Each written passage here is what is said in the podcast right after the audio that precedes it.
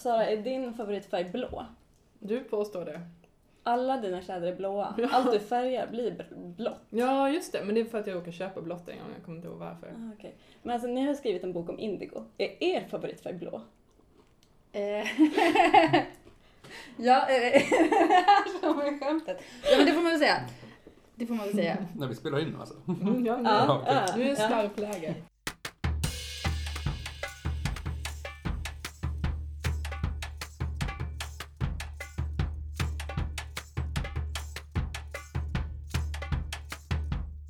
Jo men för, för jag läste i en bok som heter Färgen gör människan. Mm. Och då är typ, men det är helt, mm, eller människor som har blå som sin favoritfärg är helt menlösa menar de. För att det är en, så här, det är en så himla snäll färg som typ inte betyder någonting. För så här, det är FN och Unescos färg. Det betyder typ att man är snäll och gillar fred.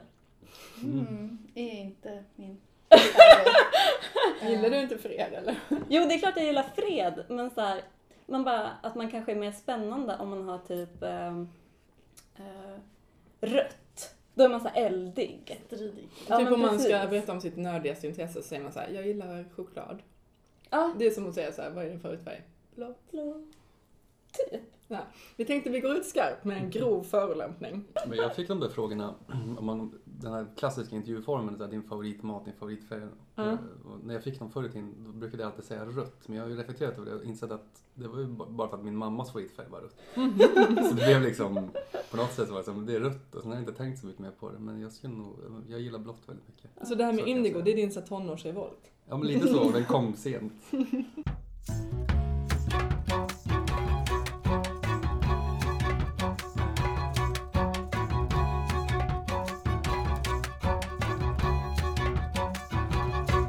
Och välkomna till en podd om slöjd. Med oss idag har vi författarna till boken En handbok om indigo, färgning och projekt. Det är alltså Kerstin Neumuller och Douglas Luanco. Välkomna! Tack. Tack. Hur känns det att vara här? Det känns bra. Det känns som att vi redan känner er. Mm. Det är väldigt roligt. Men det är någon slags modernt samhälle där alla redan känner varandra innan man lär känna varandra. Mm. Hur fantastiskt. Det är så bra. Man kan bara liksom skippa lära känna varandra Ja, faser. man behöver inte vara så nervös innan. Nej, precis.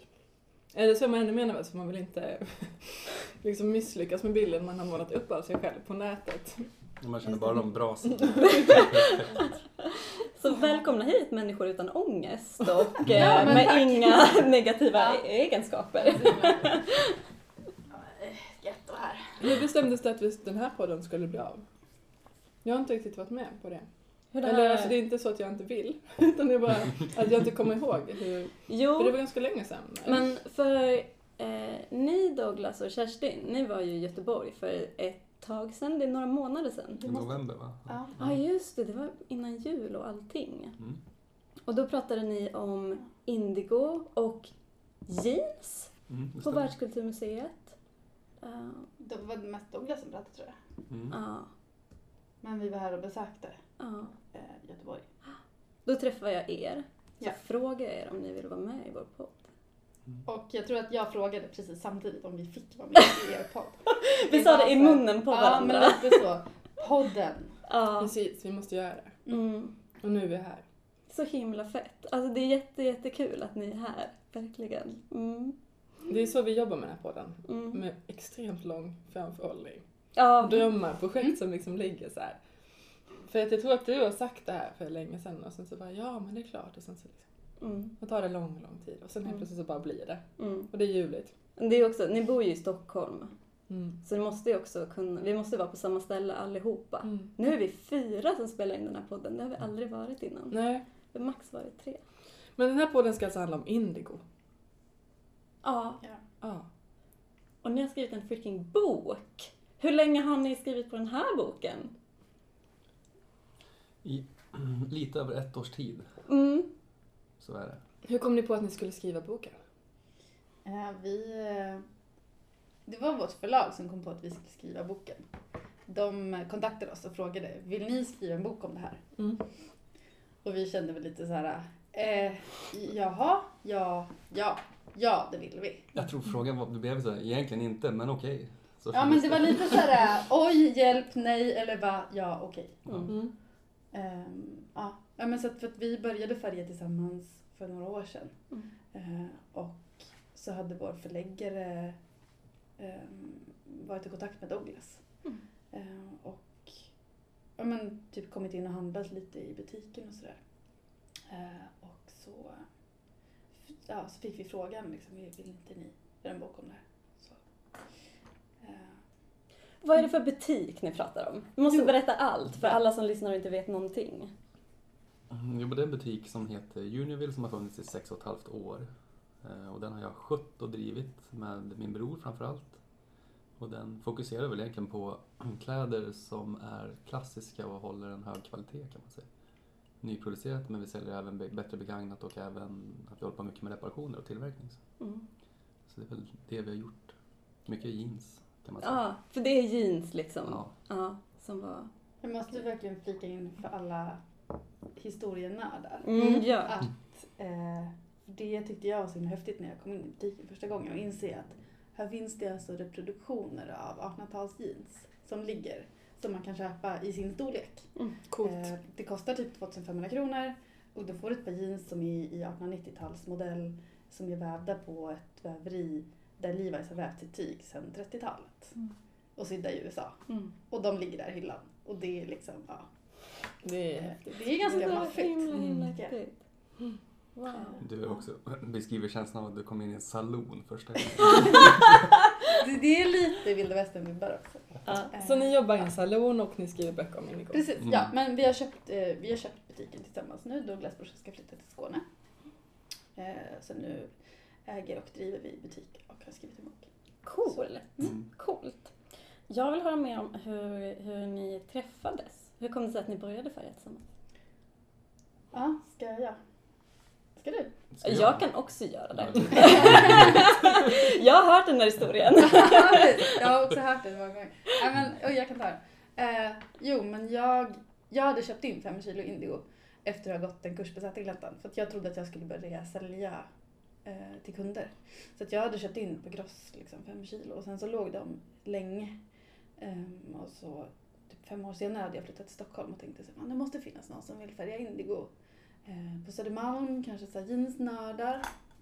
Eh, för att jag var såhär, det är klart jag ska kunna ta- kontakta Hemslöjdsförbundet och träffa en så klassisk superslöjdare och färga med. Men det kändes liksom som att jag också ville u- nå ut till Mm. andra människor liksom, och få nya människor att bli intresserade av det här. Så då så var jag faktiskt med Björn, eh, vår kompis, och eh, han var så här, ja men jag har hört att det finns en supernördig jeansaffär jättelångt bort på Södermalm, eh, undangömd. Eh, så vi gick dit och det var jätte, jättelångt att gå dit, eh, tyckte jag första gången. Nu är det inte så långt. Det är jättelätt att gå till vår butik. eh, nej men, eh, ja, så kom vi in där och då står Douglas bakom disken och jag är så I salonen då. i salonen. Douglas har alltså på sig hatt, Mm. lite cowboyhatt. Och salonen är byggd av så här råa plankor, liksom, kassan där. Det var du och Björn? Eh, du, jag och Björn kom Mm. Och så kikade vi runt och tyckte vi att det var dyrt och så skulle vi gå. Eh, och Douglas var ganska upptagen. Men precis, alltså för att jag är en sån som pratar med folk på bussar. liksom. Jag är en sån som bara så här, äh, snackar. Ehm, och så jag bara, men jag måste, jag måste snickesnacka lite här. Så då gick jag fram till Douglas i alla fall och bara, du ursäkta, är indigo? Eh, vet du någon som vill färga med indigo? Och Douglas bara, ja, jag har precis köpt ett startkit för indigofärgning. Jag vill jättegärna färga med indigo. Kan vi inte göra det någon gång? Mm. Vi- har ett duschrum här i butiken som man kan färga i. Eh, Så då börjar vi göra det. Ah. Åh, så himla fint. Och, så, och nu sitter ni här, hur många år senare? Två och ett halvt år senare. Och så har ni Det- skrivit en bok ihop. Ja. Ja, precis. Och blivit ihop. Mm. Ja. Eh, Så vi bor ihop och eh, Indigo, a love story. ja men lite så. Ja, men just Mm. nu så gör vi typ alltihop. Det var väl häromdagen det jag skulle berätta om något som jag hade upplevt och liksom, det var så här, men det var under den där perioden där jag var på toaletten liksom. När Det vi, då när vi, kommer du ihåg när vi inte sågs? Ja. Fem sekunder. det Eh, kändes så faktiskt. Knäppt. Ja. Jag kan också säga bakgrunden till varför jag hade köpt det här startkittet i Indigo var ju också för att jag har jobbat med att tillverka och rekonstruera jeans under en väldigt lång period. Men just under den här perioden så hade jag två av mina sex maskiner som jag har i butiken också hade precis gått sönder. Och då blev det liksom, för mig blev det så här, nej men nu, ah, fuck it, nu vill jag liksom, nu vill jag ha något som jag kan skapa som inte är beroende av att jag måste ha en fungerande knappbågsmaskin till exempel. Så för jag kände att de där gamla maskinerna som vi jobbar på, Mm. ibland så svek de mig. Så. Och då tänkte jag att ja, men just det, Indigo blir liksom förlängningen på jeans och mitt intresse. Och då har jag liksom pigment, en hink och sen kan jag skapa utifrån det. Så, så tänkte jag att ja, men då, vill jag, då vill jag göra det. Mm. Mm. Vi har också provat på det magiska med växtfärgning. Mm. Jag är hooked. Mm. Sara är inte hooked. Mm. Varför inte? Jag tänkte på det idag och tänkte så här, jag gillar inte heller att diska. Kanske är det att jag har lite svårt för slabb.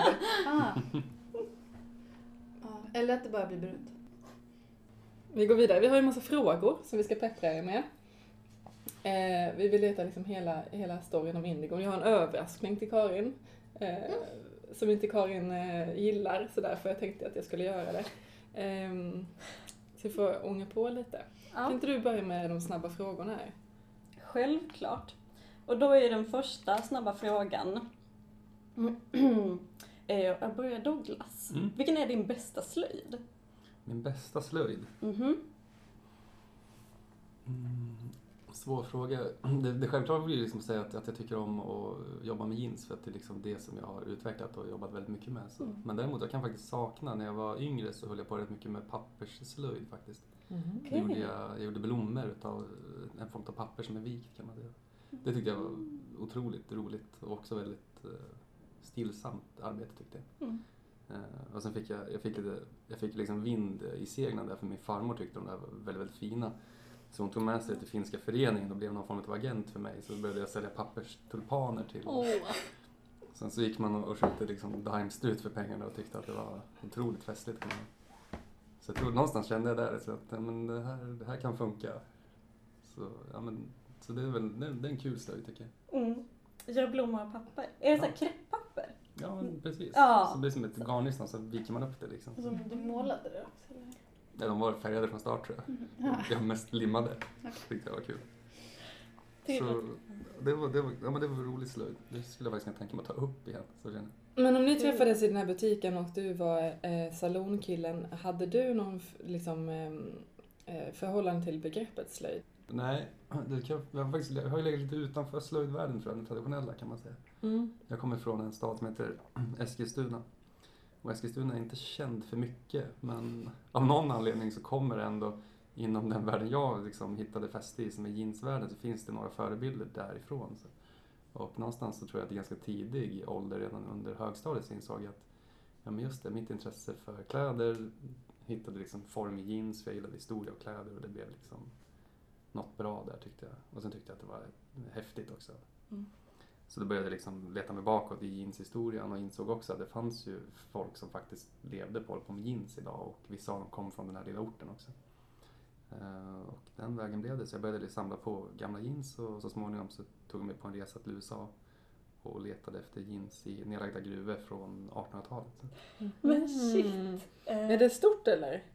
Jeans, Jeanshanten? Alltså så Att här, leta efter, efter, gam, efter jeans i gamla gruvor. nej det ska jag inte påstå faktiskt. Alltså det, det, det, det är rätt komplext och svårt att hitta dem skulle jag säga. Sådär. Så man måste kunna ganska mycket om det men nu jag så blandar ihop det med det här att man är, man är i, i, i Mm. Themsen. Mudlarking. Mm. Du tänker på mudlarking.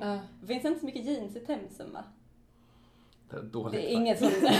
Jag tänkte att det är förbjudet Det är att man letar väl grejer i Themsen, eller? Ehm, Jag tror det är det. Jag pratar så himla mycket om mudlarking men jag minns så lite om det. Jag tror att man måste vara ehm, eh, inhemsk engelsk person för, För att det ska vara tillåtet att mudlarka. Att det är inte tillåtet att resa dit och göra det. Okej. Det är det som jag minns. men Vad kan man hitta för grejer i Themsen? Förutom gamla cyklar. Man kan hitta, man kan hitta, vad heter det, nålar. Mm. Och då har liksom, ja men knappnålar har sett likadant ut sedan medeltiden in på 1800-talet. Så då är det, ja men, kan man, man tänk om man hittar en medeltidsnål liksom man kan ha i sitt dok när man åker på medeltidsveckan. Eh, man hittar knappar, mynt, jättemycket gamla mynt. Um, har jag fel romerska mynt tror jag. Eh, kritpipor är en grej, ja men mycket Har man alltså, lera. från medeltiden när man åker på medeltidsveckan? Har det Ehm, gått så långt? Ja, men man, jag vet inte. Jag har ingen Nej, aning. men jag tror man, man använder för i helvete inte sin 1300-talsnål. Jo, men, jo, men jag vet folk som gör det. Man kan köpa eh, nålar som kan vara medeltida. Mm. Jag vet folk Det är som väldigt använder svårt dem. att datera dem. Ja, precis. Ja, men precis. Det är- blir svårt där med Svårt att dateringen. göra kol-14 på en metall, eller? Frågar du mig? För jag har Jag att det ingen... måste vara ett organiskt material eftersom att... Skitsamma. Vi får ha ett mudlarking-avsnitt. Ja. Eh, jag vet någon vi kan eh, bjuda in. Min poäng är att det är inte olagligt att leta efter jeans i gruvor. Nej, det är det inte. Men jag tror dock- så finns det väl restriktioner kring liksom Nevada, att, att det, de har något som heter Whatever stays in Nevada, eller Whatever lies in Nevada stays in Nevada, för att de vill inte att folk ska gå runt och leta för Och mycket. hämta... Så, så första gången vi var där, då var det så här night digging kallades det. Då var man ute och grävde på natten liksom. Men jag kommer ihåg känslan för att de ställde upp oss eh, tre. Vi hade ju träffats över nätet. Det var ju helt Oj. bananas när vi kom dit första gången. Jag tänkte någonstans när vi kommer in till USA, just när man är ute och reser så där så Just det. Framförallt så blev det, liksom, det blev ganska hårda regler kring vilka som fick åka in i USA efter 2001. Ja, de Och är superhårda. Ja, de är ju det. Liksom. Så Mm. här är 2009 liksom. Jag kände att jag hade ju liksom inget att deklarera direkt. Så jag går in där först och sen så säger jag det liksom. För att när man får de här frågorna i, i tullen då kan det bli rätt så hårt så att man, Mm. man liksom det känns som att man håller på att smuggla droger fast Mm. man inte gör det. Mm. Jag har också stått där med den känslan. Ja men det blir så liksom. Så då, då började de fråga mig en massa saker och tänkte jag så här, ja, men då, är det bättre att säga som det är liksom. Så, Mm. så de frågade vem jag skulle besöka. sa jag, men det är en kompis som bor i, i eh, LA och som letar jeans i, i gamla gruvor så här. Och han kollade på mig som att jag liksom inte var, ja, som jag inte var från den här planeten. Och så, så kom fullfrågan då, men hur har ni träffats? Så jag sa, ja genom mail på nätet. Och då så kom jag ihåg att han kollade upp mig och sa han you think he will really be there? Och jag, då insåg jag att det här är ju så, det är ju så dumt. Liksom. Det är klart att han inte kommer vara där. Det, är klart liksom, det är bara någon som trollar på nätet och säger, ja men jag letar jeans i gruvor, kom över hit. Så fick vi fullfråga blev liksom att, ja, men hur mycket pengar har jag på fickan? Så han försäkrade sig om att så här, ja, de kommer i alla fall klara sig när de landar där på LAs flygplats. Så, men eh, sen, sen kom vi fram och så var han faktiskt där och, och han gräver faktiskt jeans i öknen. Men, Det är jättekul. Ja. Och då grävde vi, första gången grävde vi mitt i natten då, och då var det just det att man hade fått den där relationen liksom, att vi hade bara träffats lite kort. Och sen står vi ute i natten och gräver liksom med, med tre meters mellanrum. Jag kommer ihåg att en stund så tänkte jag så här att nej, men nu, nu skjuter de oss snart här liksom. Mm. Att vad är det som händer liksom? De här personerna som vi aldrig har träffat, så här, ska man verkligen kunna hitta liksom, textilier liggandes i marken på en platt sandbädd så. Men efter bara tre, fyra spadtag så börjar man hitta mycket grejer. Wow! Ja. Vad sjukt. Ja. Både textilier och andra saker och gamla tidningar och papper och burkar. Och, så eh, det finns där ute. Det finns mycket, mycket att hitta, mycket inspiration. Det finns liksom mycket kvar. Ja visst. Så man kan Mm. ha natur så hittar man en hel, hel bralla som bara ligger liksom strax under första lagret av jordbädd kan man säga. Och då är de 1800-tal typ. Ja, precis. Man kan säga liksom, du kan ju hitta ja, grejer som är från tidigare 1800-tal, men framförallt runt 1850 så blev det ju Mm. att folk började leta efter, man grävde mycket silver i Nevada kan man säga. Ja just det, och det är deras byxor. Exakt. Som ni gräver efter nu. Det är lite ironiskt på något sätt. Ja, förut grävde man efter guld, nu kallar man det för blåguldet istället. Ah. Mm. Hmm. Shit. Ja. Jag tänkte på när man bodde i Dalarna och gick på så här, eh, stickcafé och tanterna berättade hur de i sina eh, hus hittar liksom dräktdelar som isolering. Ja, jag får Mm, samma känsla. Mm. Att man bara, ja. Det var fantastiskt att man idag liksom värderar Mm. att det finns någon som letar efter det. Det är fantastiskt. Verkligen. Wow! Ja, vi går vidare. Kerstin, vad är din bästa slöjd? Ja, alltså ja, det är så svårt. Mm. Jag fick lite panik när du ställde frågan till mig för en kvart sedan. Eller liksom förberedde mig på att frågan ville komma. Och jag vet fortfarande inte vad som är min bästa slöjd. Eh, men jag kanske... Det är textil. Mm. Eh, och det går ju i vågor. Det är ju olika. Just nu så håller jag väl på att sticka en tröja. Men egentligen kanske batik, alltså vaxbatik är mer det största just nu. Mm. Eh, Douglas och jag fick i julas ett paket från min mamma där det stod så här, till Douglas och Kerstin från 70-talet. Och då hade hon hittat sina gamla batikgrejer. Eh, så det var så här eh, stora block med batikvax eh, och bivax och en sån här chanting som Mm. är som en liten, det ser ut som en crackpipa typ. Och så fyller man den med smält, smält vax och så kan man teckna på tyg med den. Och där vaxet blir, där blir tyget reserverat från färg sen så att det blir vita mönster liksom. Ehm, så det, det är väl kanske en av de göttaste grejerna just nu. Mm. Mm. Tror Ja, fantastiskt. När Karin fick frågan typ i de första poddarna så kan hon ju inte sluta rabbla. Nej. Nej, ja, nej, det är ju... nej. Mm. Det är mycket igenkänning. Man behöver inte välja, det är det som är det sköna. Ja men verkligen. Ja. Men är du en ufo-personlighet eller är du en som gör klart? Är du monogam liksom? Till Ja, men jag är en som projekt? inte ens börjar. Ja, ja. Alltså mm. jag gör små provlappar. Mm. Mm. Eh, jag behöver inte ens ofta Nej. Men den där chantingen som vi pratade om tidigare, den har vi inte ens hunnit prova på Nej. än. Det Nej. lät som att vi hade gjort värsta fin, fina Ja, precis. batikerna. men- Nej, nej tyvärr. Men Det det- kommer väl. Nej men, nej, men jag är... Och sen så är jag också en UFO-personlighet. Eh, att jag börjar göra grejer och sen så gör jag inte klart dem. Men eh, jag gör också klart vissa grejer. I våras sydde jag tre lapptäcken på raken. Mm. Och har inget oavslutat liggande tror jag. Eller? Jag kanske dyker upp. Ja. Åh, gud. Man bara oj det här gamla... Man gräver lite. Ja precis. Mm. Nej men, eh, nej, men, men framförallt en provlappsmänniska. Mm. Det räcker för mig att veta, blir den här tekniken bra? Mm. Sen behöver jag egentligen inte göra en tvåstickad tröja eller liksom, även fast jag väldigt gärna vill. Mm.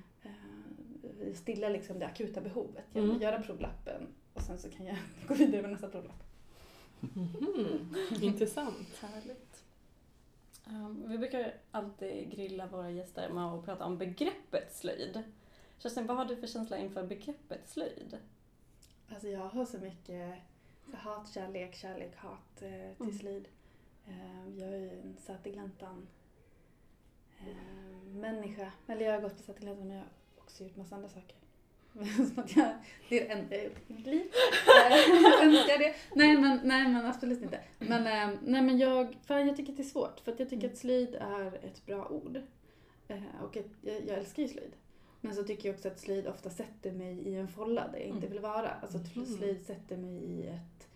ehm, alltså att man använder, när jag använder ordet slöjd när jag pratar med andra människor så blir det så ofta att de läser in så mycket andra grejer som jag inte... eh, ja men det blir, man får så mycket med begreppet liksom. Mm. Jag har suttit så här på en fest hemma hos min punkarkompis med hans punkarkompisar och hållit så en lång rant om eh, hemslöjdens varande eller icke-varande. Och det blir ju liksom... Eh, om jag hade sagt hantverk istället Mm. så hade jag kanske... Ja men det hade kanske funkat bättre liksom. Mm. Men när man säger slöjd så blir det ofta så... Eh, ja men det blir svårt att nå fram med själva ordet, tycker jag. Eh, men eh, alltså jag är ju min, jag är uppvuxen med en mormor och en mamma som verkligen hantverkar mycket. Och som slöjdar mycket. Min mormor var en så här bandvävnadsmormor Mhm. liksom. Mm. Eh, som också vävde trasmattor av sina gamla strumpbyxor och liksom, ja men så 100% slöjd. Eh,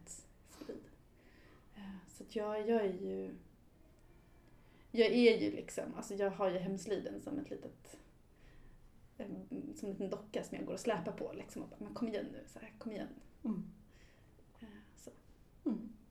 Vad är skillnaden egentligen på slöjd och hantverk? Ja, där i, där i ligger ju, eh, det är ju, det är den största frågan vi har. Mm. Mm. Ehm, ja. Den senaste definitionen som en person eh, håller fast vid är att eh, eh, om det ska räknas som hantverk så eller det som räknas som hantverk är att man måste ha en verkstad. Du måste ha ett särskilt ställe där du har, Mhm. måste ha dina verktyg Mhm. och grejer. Och det är inte att man är en personlighet som måste ha sitt broderirum Nej. utan det ska vara tyngre maskiner eller liksom så. Ehm, Ja. och slöjd är mer det du kan ta med dig. Och jag är inte helt med på den, på den förklaringen. Nej. Jag tänker att slöjd kan vara en... Eh, att hantverk känns som en mer professionell benämning. Mm. Att slöjd kan vara en mera... Alltså för mig, för mig ordet slöjd handlar väldigt mycket om någon som gör någon, eller för det är i och för sig hemslöjd. Hemslöjd för mig är någon, någon som gör någonting hemma för avsalu. Alltså jag tillverkar en serie med skedar eller skålar eller strumpor som sen ska säljas. Liksom. Men för mig är det mer, slöjd är mer än den eh, ja, icke professionella, icke-professionella hantverket, eller det folkliga hantverket. Mm. Medan hantverk är, är det effektiviserade, inte för att säga att slöjd inte skulle vara effektivt, liksom, men att eh, hantverk känns som en större skala. Mm. Men ordet pyssla har en lägre status än, Ja, än både Mm. slöjd och hantverk. ja. Mm. Jag gick in på Akademibokhandeln idag och frågade efter Pysselhörna. pysselhörnan, pysselavdelningen, för vi skulle köpa vår bok. För vi skulle ha med oss den hit. Eh, och jag kände bara så här att det var lite så här kill your darlings känsla att gå in och fråga efter pys- pysslet. Jag stod ju där i pysselhyllan. Ja, det. Bredvid Jögge. Sundqvist och, och liksom Vuxenpyssel. vuxen, ja, vuxenhantverkare. P-ordet. Så får jag använda hashtag pyssel också. Mm. Ja, jag gör det. Det skulle ja. vara säkert jätteeffektivt. Sätta nå ut. Kanske. Ja, Verkligen. Jag tycker att det finns liksom flytande gränser mellan pyssel, slöjd och hantverk och att det typ inte går att dra riktiga eh, linjer mellan dem. För att pyssel går över till slöjd, slöjd går över till hantverk. Mm. Och att det... Jag kan känna att pysslet är liksom den icke... Alltså att pyssla handlar ju nästan enbart om själva aktiviteten, inte produkten. Ah, nej, Och liksom att, att pyssel ska aldrig mynna ut i Mm. någonting som faktiskt går att äh, använda. Eller att det ska bli liksom. Mm. Därför kan jag säga på kvällarna när vi kommer hem så här vid tio, bara jag är så pysselsugen. Mm. För då vill jag sticka några varv och sen repa upp det igen. Liksom. Mm. Jag, vill bara, jag vill bara inte behöva bestämma någonting, jag, bara, jag vill bara så här, taktilt så här, hantera de här materialen. Och sen om det skulle vara så här, limma ihop tre flörtkulor och en fjäder så blir det en påskkyckling. Så här, jag skulle vara nöjd liksom, för jag är så trött att jag inte orkar. Liksom. Jag vill bara, jag vill bara göra någonting. Liksom. Mm. Men Man kan också pyssla med att strukturera sina tallrikar i rätt storleksordning. Och sånt. Mm. Det är också Mm. en typ av Jo men, pyssel. jo men, ja men Man kan gå hem och pyssla en hel dag. Mm. Precis. Mm. Men just det, det första man kom i kontakt med var när man pysslade när man gick på, på sex års tänker jag. Mm. Då slöjdade man inte eller hantverk utan då var det pyssel. Mm. Ja precis, Mm. att det har med barn att göra, pyssel. Mm. Mm. Och då kan jag bli så himla så här att, att då, då är det något dåligt bara för det är barn som gör det. Mm. Ja, här loombands Mm. eller pärlplattor eller allting annat som är Mm. barnkultur liksom. Det, men det kan ju vara inkörsporten till tyngre. Mm. Så det är pyssel. Det tyngre hemslöjd. Ja. Ja precis.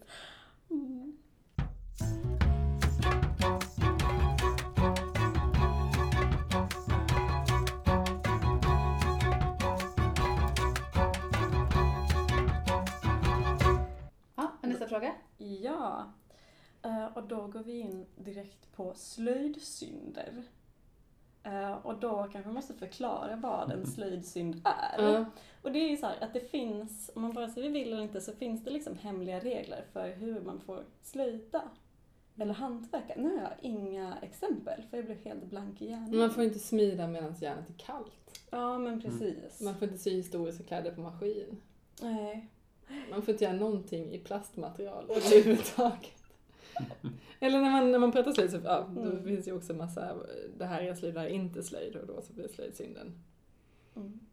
Man säger hantverkstabun. Ja, Ja. verkligen. Och då vill jag fråga er vad era största slöjdsynder är. Jag måste säga att min största slöjdsynd är att jag, trots att jag är herrskräddarutbildad, typ aldrig mäter, knappt kritar innan jag klipper. Mm. Inom Alltså- skriveriet måste det finnas hur mycket regler som helst. Mm. Ja, det gör det ju. Men, ja, men då kanske du kan Mm. dem så väl att du bara kan skita i dem. Eller? Ja, Funkar det precis. så? Jag vet inte. Nu har inte jag sytt en kavaj sedan jag avslutade min utbildning. Eh, Och då kritade jag ju, för det måste man om det ska vara helt, helt exakt. Så att det, ja, det får Mm. nog nästan ta undantaget då. Eh, Men eh, det känns som att det var så länge sedan jag blev klar med det, så att jag har bara lagt det bakom mig. Eh, Ja, precis. Jo, men ja. Så är det ju också att så här, till slut så får man ett ögonmått på så här, millimeter. Liksom, och så här, men jag vet att det är fem millimeter här, jag behöver inte mäta. Mm. Mm. Men jag tänker också typ, jag kan ju lite väva så här, och då, det som är när man är lite bättre på någonting, det är också att man vet när man kan fuska. Och när Mm. man inte kan Mm, fuska. mm. Liksom. Precis. Och, och det vet man ju inte om man inte kan någonting. Då Mm. måste man kanske gå i jättenoga i alla momenten. Mm. Men det kan väl också bli som när, man, eller när vi blandar indigobad, att man så här, ja det ska ju egentligen vara 16 milliliter natronlut här men jag vet att jag kan ta lite kaustiksoda som jag löser upp vatten istället och har i. Mm. Så bara, men hur mycket då? Bara, "Mm, lite grann. En liten grus, som Mm, min farmor precis. när jag skulle laga Ah. mat i Norrland. Yes. Douglas, har du någon slöjdsynd? Jag försökte tänka om jag hade Mm. det. Liksom. Men jag tror snarare att jag brottats med liksom, mm, att jag på något sätt innan jag sätter igång ett projekt ibland kan känna att det här borde jag inte göra för det här kommer förmodligen inte bli snyggt. Liksom. Och sen Mhm. så har jag ändå kört på och sen så insett i slutet att ja, det blev inte bra. Det liksom. ja, det Men det att kan ju vara en visste det slöjdsida. liksom redan innan på något sätt. Men ändå Då så kör man ändå. Ja, men, men jag vet inte vad, det, är, vad som ska rädda projekten när jag ändå vet svaret redan innan. Liksom. Men det kanske, jag vet inte, en mänsklig drag också i och för sig. Det, jag vet, inget så här konkret nu på rak arm. Så. Jag kommer ihåg att när jag, när jag började sy mycket så sydde jag om grejer liksom. Det blev ju inte så bra. Liksom. Men vet du att du aldrig nålar? Ehm, nej, det gör jag faktiskt inte. Eller det, det händer att jag gör det, men då sticker jag mig på dem. så därför gör jag inte det. Bra slöjdsynd. Faktiskt. Det är skitbra. Mm, det är sant. Jag har en slöjdsynd. Mm. Det är att jag typ inte slöjdar. Mm. Men för att jag kan så här, låsa mig vid hur det ska vara. Mm. Att det är så här, men okej, jag vill sy en skjorta. Ja, men då vet jag hur mycket tid det kommer ta för då, ja men jag kan ju göra mönstret själv. Jag kan ju konstruera det så att det passar mig jättebra. Ja, då måste jag göra det. Men det tar ju skitlång tid. Det är ju jättejobbigt. Och sen så har jag kvar liksom att sy den. Så då gör jag det inte istället. Mm. Det är min tråkigaste slöjdsynd. Ja, det är så gör ju du ja. Ja. Du har ju en massa kappprojekt och Ja, ja, ja. huvudprojekt. Ja, ja. Massa, massa huvudprojekt som inte händer. Mm. Nu så händer det inte också för att eh, jag precis flyttat in i ett hus ehm, där jag och min sambo vi har plats för ett slöjdrum. Men just nu, men det var inte det rummet som vi möblerade först. Så nu ligger bara all skit som vi inte vet vad vi ska ha, det ligger i slöjdrummet. Och det är så otroligt dålig setup för att slöjd ska bli till. Mm. Det var jätteskönt att bikta sig nu, kände jag. Men det är väl också, men det är väl så här, ju mer man lär sig om sitt hantverk, ju mer fattar man att så här, det här är komplicerat. Mm. Eh, Och ju fler gånger man har konstruerat och sytt en skjorta så vet man så här, men det går inte på en kväll. Mm. Det, det gör inte det liksom. Ja, äh, nej. Och sen så blir man så här, ja ah, fast det är ingen idé att jag börjar med det här för Mm. jag kommer ändå inte. Mm. Det var rätt sätt enklare om man inte har några hämningar alls. Var bara göra liksom. Ja, ja men man var, Ja. så här, man var ju odödlig. Mm. i slöjd. Desto mer man kan, desto mindre Mm. kan man. Ja. Ja, nu blev det deppigt. Vi ska fortsätta på den här deppiga banan. Be- be- Vikt och bekännelsebanan. Ja, vikt och bekännelsebanan eh, blir det mer av. Eh, och då finns det, inom stickervärlden så pratar man jätteofta om ett begrepp som heter UFO. Vi pratat om det lite idag. Och det betyder unfinished object. Ehm, Vi, vi berättar om vad det betyder i varje podd. Ni borde lära er. ni borde lära er, alla som lyssnar, nu pekar vi finger. Ja. Mm. De Ehm, kunde det redan så vi anna- Ja, kanske. ja, kanske. Nu i alla fall. Ja. Nu i alla fall. Och Sista gången. Sista gång, det var sista gången vi förklarade det. Mm. Nu vet ni det här. Ehm, och då undrar vi så här, men har ni något pinigt ufo som ligger där hemma? Jag har ett. Yes! Yes. Jag, jag fick en beställning på en läderväska som jag skulle göra åt en vän. Mm. Oh ja, den är bra. Men det, okej, jag har två. Jag har två väskprojekt faktiskt. Det ena, läderväskan, läderväskan började med att det, det, det blev liksom, jag hade gjort en egen väska i läder baserad på en, en postväska från, från 40-talet som, som jag var väldigt nöjd med. Så, där, så fick jag en, en kompis som sa, så här vill jag gärna beställa. Och som ville ändå betala skäligt för att jag skulle göra det. Men på något sätt så blev jag så här, jag blev så ledsen på verktygen jag tog på för verktygen var liksom de, de gjorde mig inte nöjda på något sätt när jag skulle puncha hål. Och till slut så blev det här projektet, det blev liksom bara liggandes liksom, halvfärdigt. Så, Mm. För jag tänkte att ska jag byta verktyg och då hade jag satt igång det. Och sen så blev det liksom som att det bara rann lite sand och den ligger kvar i butiken nu sex och ett halvt år senare på en hylla under, du har sett den kanske, under Red Wing-skorna där. Lite bita läder. ja. Det är den. Det är väskan. Mm. Som tur var. Eh, Sen väska nummer två skulle jag också göra åt en annan vän faktiskt. Så det var mer som en ryggsäck i en gammal pressändning. Eh, och där fick jag faktiskt, där fick jag till och med betalt i förskott i form av att jag fick en iPad av den här personen som skulle skaffa sig en ny och så alltså, började jag göra den här väskan.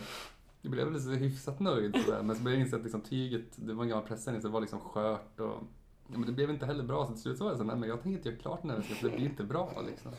Så, så sa jag det till han också. Det här är ju också säkert fyra år sedan. Liksom, så. Och nu, nu i våras så tog han upp det där igen. Att, jag väntar fortfarande på en väska. Och då, så, då sa jag till honom så här, men jag vill, inte, jag vill lämna tillbaka din iPad. Den är trasig. Jag har precis haft i fyra år, den funkar ändå Mm. inget bra nu. Nej. Så det är väl, ja men det, det är ett riktigt ufo-projekt. jag. Bra pinlighetsfaktor. Ja verkligen. Sen har jag väl någonstans slutat med väskor känner jag. Känns, Ja, det, var inte mitt, det. det var inte mitt projekt. Gör inte det längre. Nej, det är liksom, det måste vara någonting med ja-väskor känner jag. Det ligger någon slags förbannelse över det. Jag har säkert fler. När man öppnar någon gammal kista på, i butiken där. Det är farligt att börja tänka på. Mm. Ja. Mm. Farligt att flytta, då kommer allt fram. Mm. Ja. Japp. Kerstin, har du något gammalt pinigt ufo som Eh. ligger? Jo men jag har ju jättemycket ufo. Eh, eftersom, ja, men som vi sa förut, jag är inte en person som avslutar. Eller jag avslutar, men det är ofta avslutar jag. Eh, Och jag började så här, ska jag prata om den handsida växtfärgade medeltidsorten som har blivit klar? Eller den handsida växtfärgade medeltidstuniken? Eller ska men eh, sen kom jag på att jag hade lovat min pappa, för att jag utbildade mig till herrskräddare. Eh, och då lovade jag min pappa att sy en kavaj till honom. Eh, och ett par byxor. Mm. Och han var så glad och han var så stolt och han köpte tyg för 2000 spänn. Ehm, och när man eh, syr kavajer, så klassisk skrädderi, så har man tre provningar. Liksom, eller två provningar och så kommer de och hämtar den och så kollar man så att allt sitter fint. Och jag tror att jag har gjort två provningar på den. Alltså Mm. jag tror att jag jag tror att jag egentligen det jag har kvar är att sy klart armarna och sen avsluta den. Liksom. Eh, men jag kommer aldrig göra det. Eh, och byxorna är också utklippta och hoptråcklade. Och de hänger i min garderob. Och jag är så här. Alltså jag vet ju att jag aldrig kommer göra det. Och han tar inte upp det här med mig. Varför kommer du inte göra det? ehm, jag var bara inte sugen. Nej. Otroligt osugen Mm. På herrskrädderi. Och eh, att jag har liksom inte riktigt... Eh, jag har inget pressjärn längre så det går ju inte. Nej. Nej. nej. Men, så ehm, för det låter som att du är en lustslöjdare. Ja, Att du, men det måste, är du måste ha den där lustdrivkraften liksom. Ja men, det, ja, men antingen eller. Alltså det är Mm. liksom, jag gick ju som lärling i två år och då sydde jag ju kavajer på heltid. Mm. Och då var ju det mitt jobb som jag inte fick någon lön för. Men det var liksom det, min uppgift. Och är det min uppgift så gör jag det gärna oavsett hur jag mår eller vad jag liksom har lust med eller så vill. Men, men sen så blev det så tydligt för mig när jag slutade med det att liksom, om jag får välja vad jag vill med min fritid så är det inte att sy kavajer. Eh, Så det är ju liksom också, nu jobbar jag jättemycket med att laga jeans eh, i vår butik. Men, och det är ju liksom inte som att jag så här, mm, är så otroligt sugen på att på laga par jeans nu. Även om det kan vara ganska gött Mm. liksom. Och bra för att gjort. Eh, så. Jo men så att jag är nog väldigt, ja, men jag är väldigt mycket Mm. lustslöjd. Mm. Eh, mycket sådär, ja. Är du också lustslöjdare Douglas? Mm, ja, det tror jag.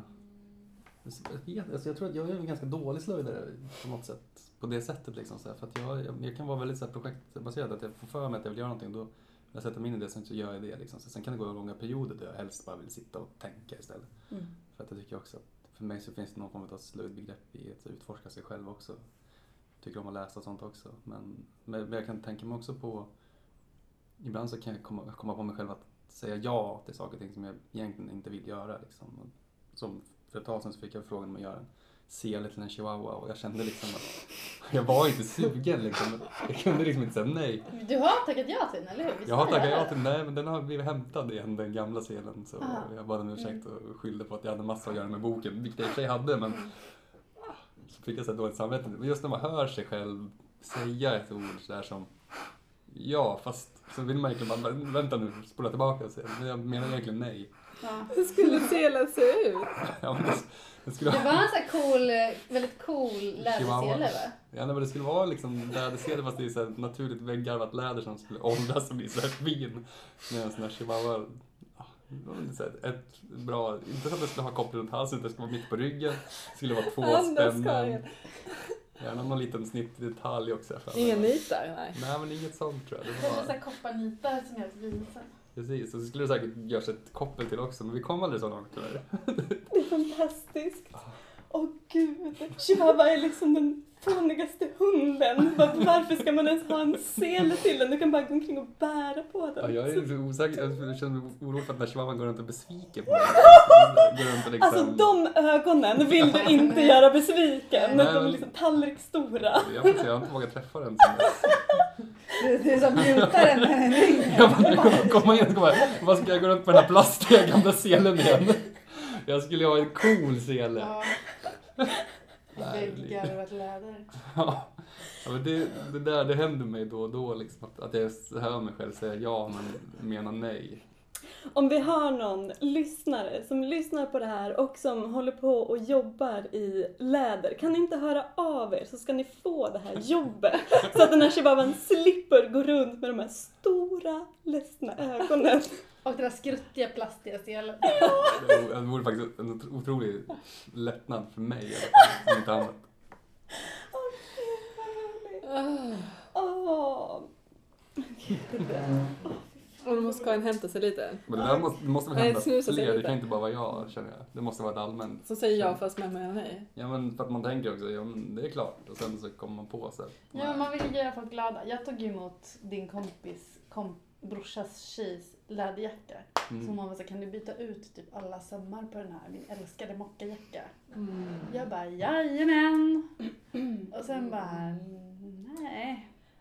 Har jag, just det, jag kom på att jag inte alls hade någon lust med det. Nej. Eh, Men nu ligger jag längst ner i laddningshögen och väntar. Men jag tänker att jag måste fixa det för att nu blir det snart vår. Men laga saker är väl tråkigt överlag, eller? Eller alltså, vi, jag lagar ju jättemycket jeans Mm. på jobbet och då är det så här eh, när man har fått, man har slitit hål på sina jeans. Mm. Inte så här byta dragkedja eller så. Utan så här, men jag har använt mina jeans så länge att det har blivit hål i dem. Och då är det ändå så här, har man sex stycken Mm. så går jag och så, så sätter jag på lapparna på dem allihopa, då lägger så Mm. underlagningslappar. Och sen så går jag till maskinen med dem allihopa och sen så gör jag allihopa. Liksom. Och så får man välja rätt tråd för att det ska bli rätt färg och så här. Då blir det ju ändå mer liksom... Men det är så här Krång- schysst ja. också grej, det är kul med jeans. Ja. Det är inte kul att typ byta dragkedja i någons gamla fleece.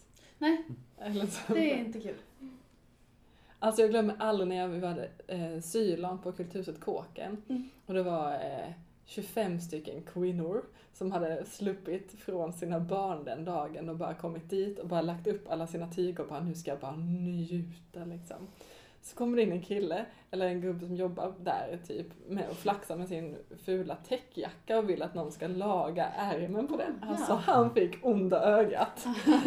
så det var inte poppis. Det var typ inte någon som vände sig upp ens en gång och kollade på honom. att han ens vågade. Att han ens vågade liksom.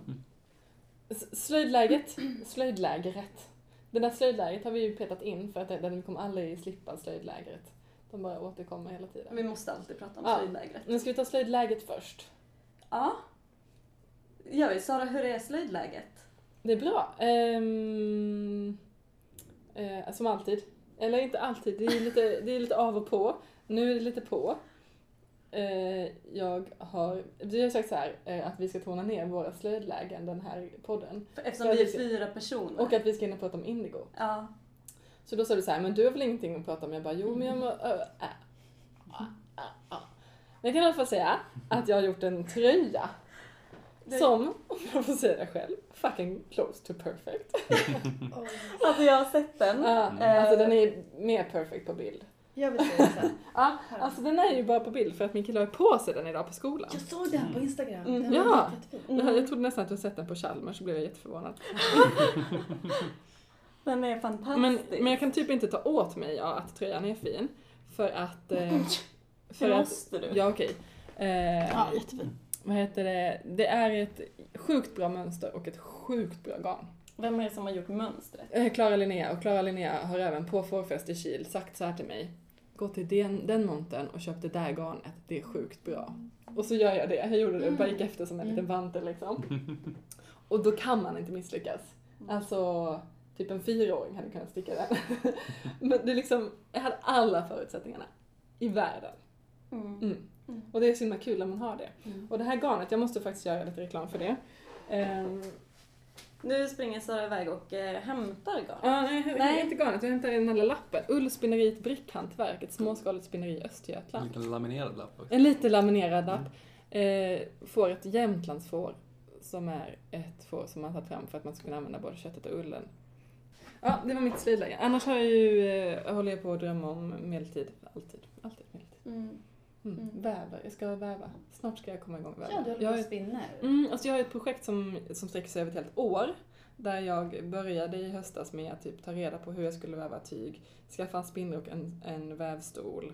Eh, bestämde och så började jag spinna garn och så har jag köpt varpgarn och nu ska jag bara varpa och väva. Nu är bara lilla den detaljen kvar.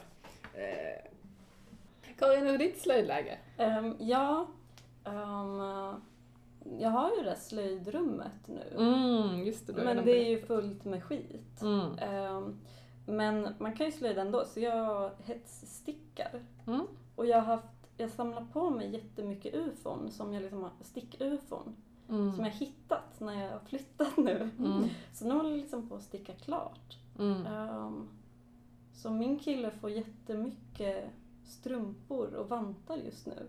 Men För att det är wow. det som blir liggande. Du är liksom i ufo göra klart eh, fasen. ja. Det är en ganska härlig fas. Ja. Jag har haft lite av det också det senaste. ja. Bara, den skulle jag bara sätta ett stygn och så var den färdig. Ja men verkligen. Mm. Så det blir så här, alltså det känns väldigt bra Mm. mitt i all misär. Mm. För att ja, men så mycket blir klart. Liksom. Mm. Nice. Det är mitt slöjdläge. Mm. Mm. Kerstin, hur är slöjdläget? Eh, Jo men det är ju, eh, det är ju, vad ska jag säga? Eh, vi slöjdar ju bara när vi håller workshops just nu känns det som. Alltså ganska ofta går ju slöjdläget ihop med livet-läget. Ja Mm. precis. För Alltid att så vi, vi har ganska mycket att göra. För att vi köpte den här butiken och släppte den boken. Men eh, sen så varje kväll när jag kommer hem så är det så här en halvtimmes stickning i sängen.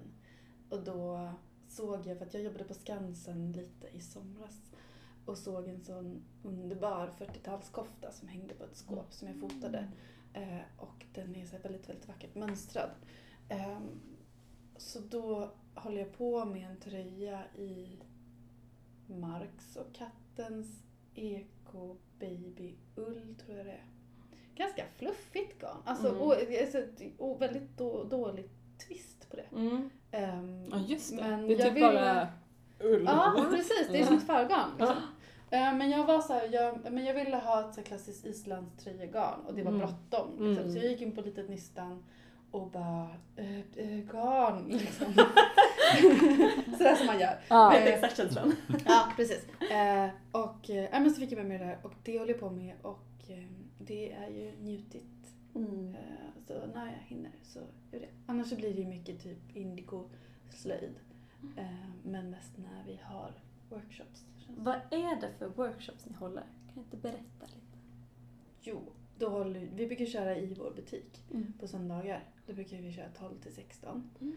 Eh, och så är det, ja men det är prova på, en, en, en jävligt matig prova på workshop. Liksom. Mm. I indigofärgen? Ja, precis. Så att vi kör liksom en timmes eh, föreläsning, visa textilier, visa växter om vi har några som lever just då. ehm, eh, och fika. Och sen så är det tre timmar färgning. Liksom. Mm. Eh, så mm, det brukar vara... Och det är kul att du sa att det- våran slöjd är workshopparna liksom. På ett sätt kan jag tycka det också, men samtidigt känner jag om slöjd då är för mig att visa gamla jeans och fika.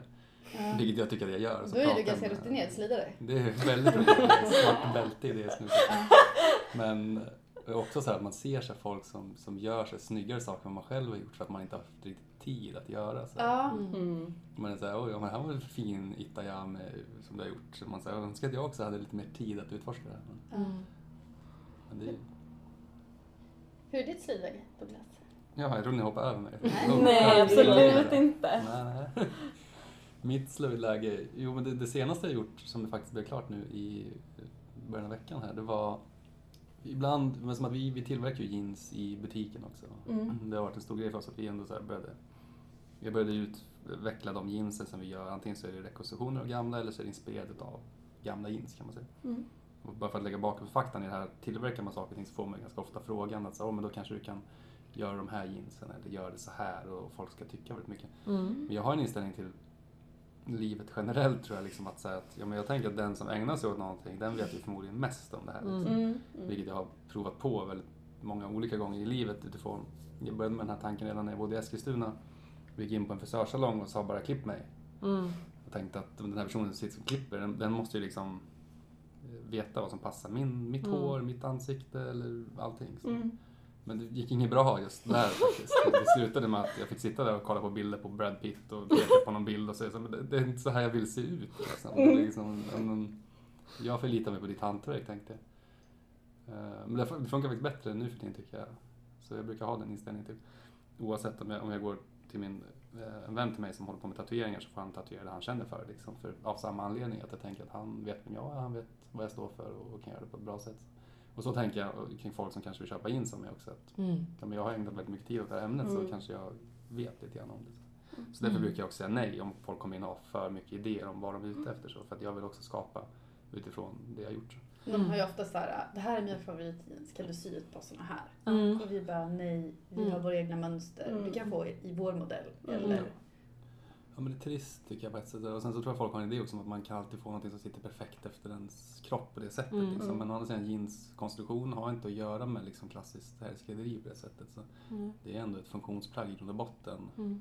eh, Ja, därifrån.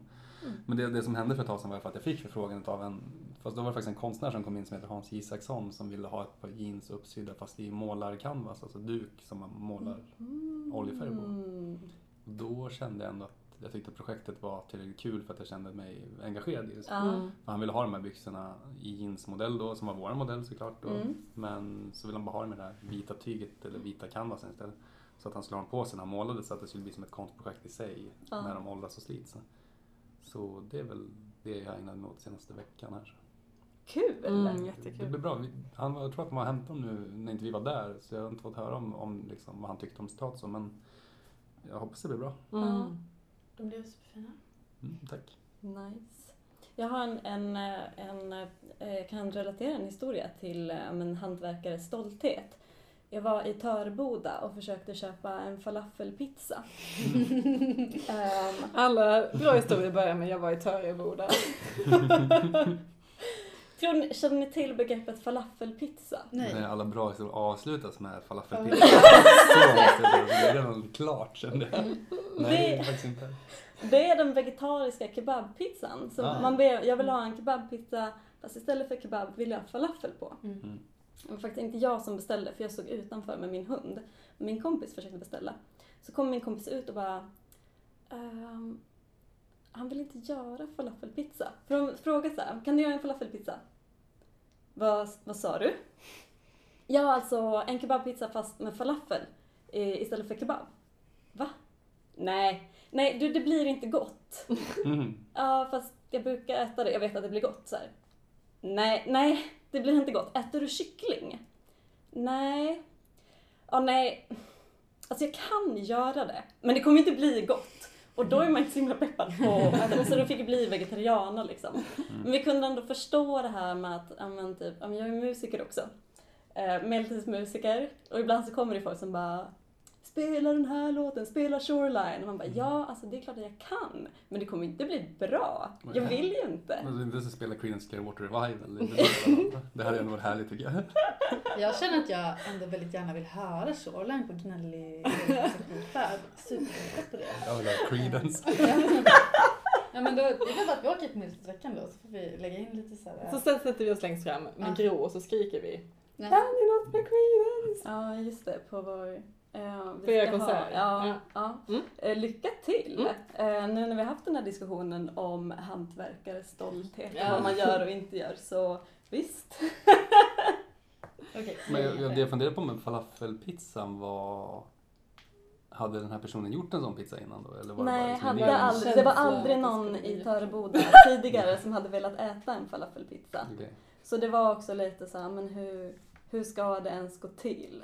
Ska jag hälla smet på den råa pizzan och ha den i ugnen eller ska den... Eh, Friteras hela pizzan ja, men sen? precis. Eh, eller ska jag lägga på falafel efteråt? Så det var väldigt mycket frågetecken kring det. Jag, ska, jag måste ju bekänna att jag en gång har ätit en så kallad kallskrove. Och för er som inte känner till det så är det ju faktiskt ett, det, det är liksom en, en calzone inbakad fast i den så är det ett helt hamburgermål. Jag har hört talas om det. Var det gott? Det, då kan jag önska att personen som tog bestället hade sagt att nej det blir inte gott. Det värsta av allt var när jag kom på mig själv att, att om jag liksom äter en hamburgare så brukar jag inte jag ta senap på ketchup på för jag tycker inte att det är så gott. Nej, på en hamburgare, eller oavsett så tycker jag inte att det är gott. Liksom. Och sen så kom jag på mig själv när jag äter så bara, åh nej, åh nej, den här har ju varit i ugnen också. Det är så här riktigt dåligt med varm sallad och senap och ketchup. Men gud! Ja, då, var man ingen, då var man ingen stolt. Men Men då åt hela. Nej, det gjorde jag inte. Det blev för mycket. Vi hade ju också så här, en vi hade ju, vi hade ju, det var jag och ett par vänner, vi hade ju en nota på 1200 kronor på. Så det var ju också, han skulle göra så här, det var ju som att beställa två mål mat. Och han kunde inte tänka sig att det skulle, det skulle vara så här disco-dubbel inbakad pizza med hamburgare i. Det blev otroligt dyrt vart det. Mm. Ja. Jätteroligt. Nu tänker jag bara, innan vi ångar vidare till Indigon, berätta lite om slöjdlägret. För nu är ju liksom den så kallade planeringsfasen av allt kul som kommer hända I sommar. i sommar. Ehm, och det här slöjdlägret, det har ju liksom fått barn, det har ju knoppat av sig. För det som vi upptäckte när vi gjorde slöjdlägret, eh, till exempel det som var på Forsviks bruk i augusti förra året med 65 deltagare, det var att vi hade åldersgruppen så här 18 till 35. Eh, och den här 35, det var från början 30. Och, nej, från början var det kanske 25 och sen så bara blev det högre och högre eftersom att folk som var äldre och äldre liksom anmälde sig. Och vi vill ju inte, liksom, inte att folk som verkligen vill åka inte ska få åka. Men det kändes någonstans som att vi var tvungna att göra någonting för ungdomar som är unga på riktigt. Och sen har min mamma tyckt att det här var så himla himla kul. Så hon bara, och så tycker hon att det är åldersdiskriminering, Sara. Att, eh, man, att man inte får åka om man är, om man är tant. Så då så har hon skapat ett eget slöjdläger Mm, i Skåne. Ja. Eh, som nu har växt eh, till ett jätte, jättestort läger där, som är en fortbildning för alla slöjdlärare som vill åka. Oj vad roligt. Mm. Så det kommer över 60 deltagare och de har så här, fått riktigt så här stora namn inom eh, slöjd som ska komma och göra grejer. Vad sa du? Var Ja, det är, nu kommer jag inte ihåg vad han heter, Göran Lundborg tror jag, en järnforskare. Som har skrivit en bok som handlar om handen och slöjden typ. Och en man som heter Leif Blomqvist som är jättekänd slöjdlärare, jobbar i Borås. Ja. Eh, väldigt, väldigt kul. Eh, min gamla klasskompis Christian Svensson är med och planerar. Det heter Textom, alltså textil och trä och metall. Textom. Och kommer vara den 8 till eller 10 september. Och redan nu så har eh, biljetterna börjat sluddra iväg. Så att, eh, ja, väldigt kul när saker bara får massa... Hur gammal skulle man vara för att gå på texten? Textom är vilken ålder som helst, fast kanske inte barn. Men s- måste man vara slöjdlärare? Nej, men det är, det är en slöjdlärarfortbildning. Så att det Mm. kommer vara, de som kommer hålla i workshopparna, de kommer att göra det med liksom, eh, den eh, inställningen. Men ofta så kan ju en slöjdlärarfortbildning handla typ om bedömningsmatriser och saker som är inte slöjd. Mm. Och här vill de göra ett slöjd, alltså en fortbildning som faktiskt, där man faktiskt slöjdar liksom. Fett. Mm. Gud, det känns Jag som att tror- det saknas. Ja, jag tror att det saknas. Jag vill inte säga det Mm. för att eh, jag vill inte trampa någon på tårna. Mm. Men jag tror att det kan vara så att det Mm. finns ett behov för de som jobbar som slöjdlärare att bara få slöjda loss. Liksom. Och ni känner att ni kan, det finns ingen konkurrens mellan er här? Liksom. Ja, min, jag och min mamma. Ja, men, men, så här, det, nu pratar vi om det här med nästa podcast, då kommer det inte nämnas för då är det liksom, då är det bara, Jag tror att det är positiv konkurrens. ja det tror jag också. Ni bara tävlar om att skapa det fetaste Ja. slöjdlägret. Nu vet jag vad som kommer hända. Ja. Nästa podd så kommer det vara så här, min dotter Gro, hon är tre år, hon kommer skapa ett sånt där barnslöjdläger. där de bara kommer hålla på med loombands och... Ja, ja, ja. Mm. Kommer sitta här sen, nu börjar alla skapa slöjläger. Nu skapas lite slöjläger här och så lite där. Jajamän! Så kan jag gå i pension och se, titta på allting med glädje. Bra utveckling. På tal om min mamma, Mm. så tänkte jag att vi skulle ringa henne. Ja. För att eh, hon har en fråga om indigo. Mm. Och hon sitter hemma här nu och... Eh, Sitter hon och väntar? Ja, hon sitter och Nej, väntar. Hoppas jag nu att hon svarar. Planerar för slöjdläger för fullt. Ja, precis.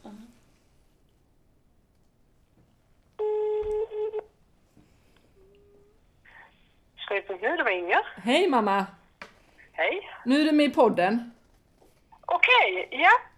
Jag var precis på väg till skolan, men det kan jag vara om en stund, ja. En minut. Ja, Ställ din fråga. förlåt. Du får ställa din fråga. Ja. Vad sa du? Jag har en fråga, ja. Ja. Jo, jag var i Laos tillsammans med Hemslöjdens resor en gång. Och det enda var, syftet var egentligen att se indigo på riktigt. Och det fick vi göra hos en fru Jan i en liten by som ligger vid Luang Prabang. Och vi fick följa med bort till köksträdgården där hon hade sin indigo växande. Och i byn, alla byns kvinnor hade x antal pottor bakstående bakom sin eh, ja, men baksidan sådär liksom. Och där hade man sin indigo, man vårdade den väl. Och sen när hon då skulle färga indigo så var det väldigt viktigt att det var många pottor. Hon hade nog någon form av stamkyp, Och sen var det liksom sju, åtta pottor till. Och hon påstod att det enda hon tillsatte överhuvudtaget var kalk. Och sen skulle hon då flytta garnet mellan potta till potta till potta till potta. Och vi förstod kanske inte riktigt varför. För man ville inte få ner en massa syre. Och varför liksom lyfte garnet från, från potta till potta. Mm, har ni någon förklaring på det? Men var det varmt överhuvudtaget, eh, pottorna? Alltså i Laos där var väl kanske 27, 28, 29 grader varmt. Så det var ju alltså rumstemperatur höll jag på att säga, men den temperatur som var i eh, utomhus. Jag Det funderar på... tillfördes ingen värme. Det- Jag såg aldrig liksom att hon tillförde värme på något sätt i någon process. Och det sades inte heller. Det, jag såg liksom inte till, till, till någon eldstad eller så. Men de pottorna var liksom bakom huset och sen så var de bara där så kunde man ta fram dem när man ville. Ja, ja. Men jag undrar vad det var för slags garn? Vad var det för material? Jo, det var ju hennes egenhändigt odlade bomull. Så vi först gick vi liksom ut på fältet och plockade bomullstussen och så visade hon hela processen hur hon spann sitt garn. Så det var ju hennes eget bomullsgarn som hon hade odlat. Och frågan är varför, om Kerstin och Douglas kan svara på varför det doppas i olika pottor.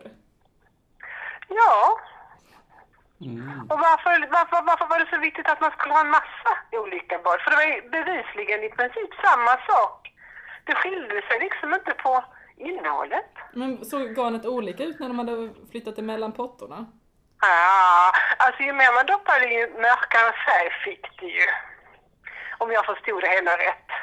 Så vi köpte på något ställe uppe i norra Laos så köpte vi ju väldigt, väldigt, väldigt mörkt blå färger. Och det sades ju då att de var så mörkblå för det att de var doppade så många gånger och då var det ju mycket finare. Men det här garnet, i- det här bomullsgarnet som hon hade odlat själv och som hon doppade runt där, det var ganska ljust i färgen. Det var inte...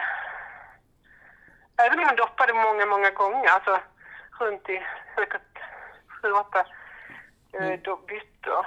Så... ehm, Jag tänkte på, men det tillfördes liksom ingen stamkyp, utan stamkypen var liksom i pottorna och sen så förde hon till ass, eh, vet du det, mm, kalk sa du? Och hon hade en stamkyp och så liksom duttade hon på med nytt i det i de befintliga byttorna. Men jag förstod det så att hon hade liksom en som hon vårdade lite extra Ja. noga, sin själva sin.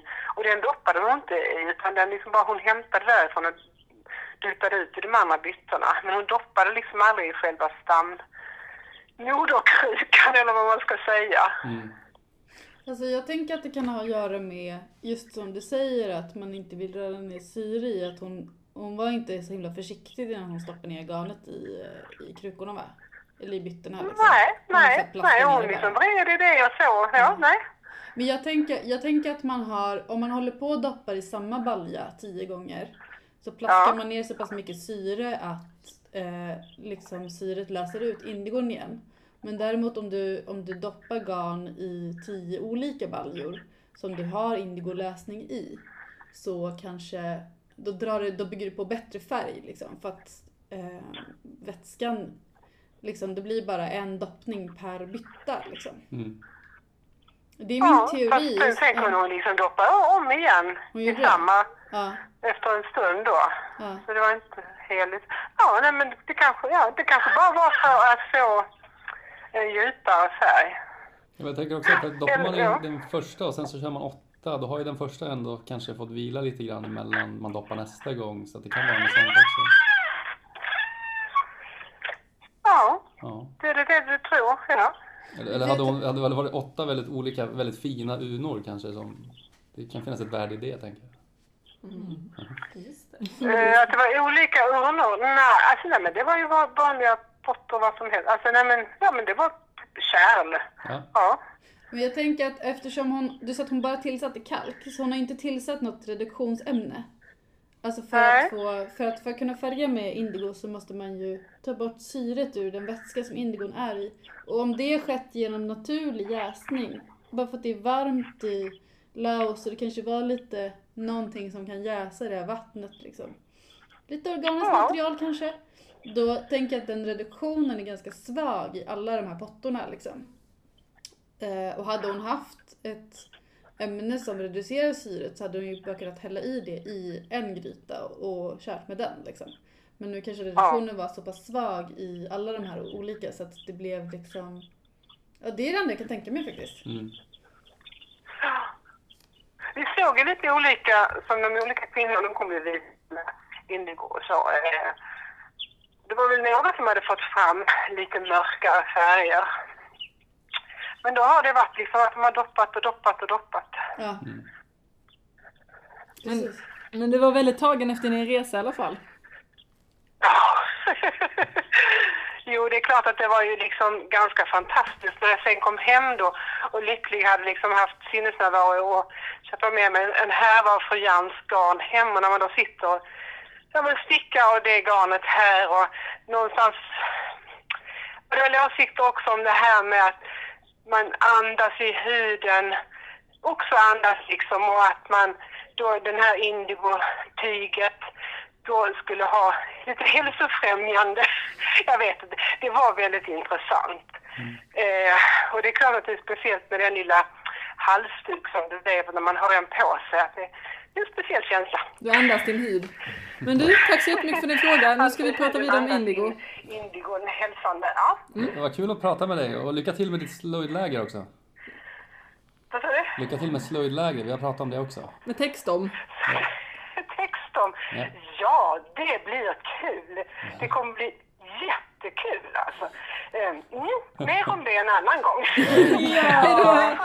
Ha det bra. Ja, Uppmärksamma indigon för det är de värt. Ja, hej! Var det här överraskningen? Det var överraskningen. Fantastiskt bra överraskning. Ja. Det är inte ett vanligt inslag att, att ni ringer upp Inger. Alltså det, Nej men hon skulle gärna vilja att det var... Alltså, men jag tror att det ska bli en stående, ett stående inslag. Ja, hon tycker Ja. att det ska vara såhär, fråga mamma. Då ska hon, Mm. för att hon vill liksom alltid ha någonting att bra. säga till om hon ska alltid vara på väg någonstans. Men då måste du ha en, då måste du ha en fråga Gro och en fråga Inger. Ja, precis, Ja, precis. får Ja. någonting att säga till om. Ja. Gud ja. Så himla bra. Gros svar är lite mer slumpade, fast min mamma kan också vara slumpad. Man vet aldrig. Ja, jag Men- måste ha kisspaus innan vi Du- börjar prata du om kisspaus, in- ja. Indigo.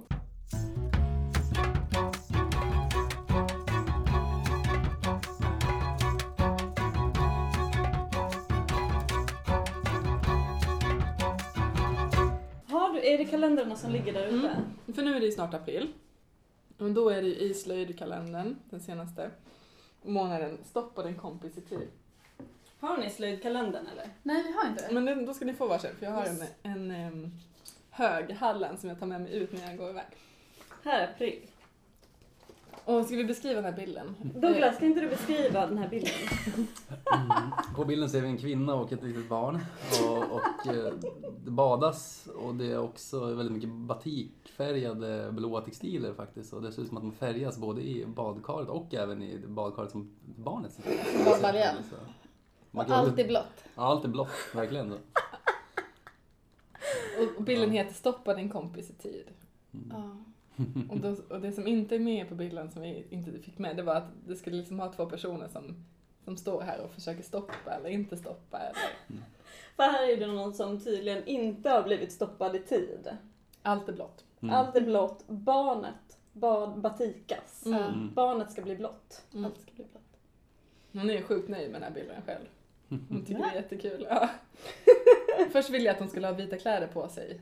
Men hon tyckte ju att det var jättekonstigt att hon skulle hoppa ner i badet i kläder.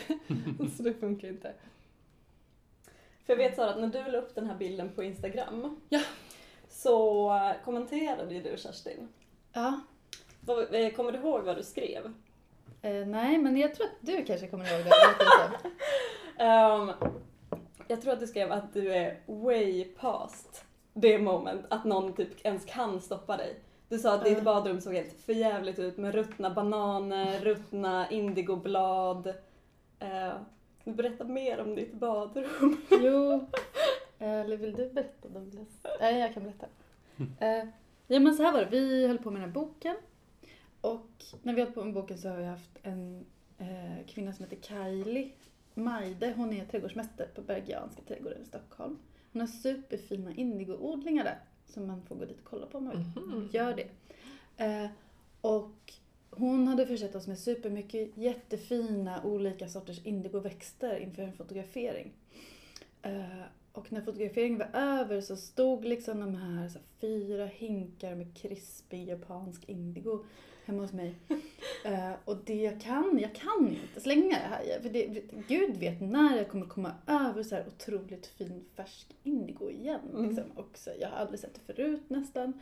Och det är liksom så, här- men det är otroligt, otroligt fint. Ehm, så att jag eh, gjorde ju som det stod i min bok.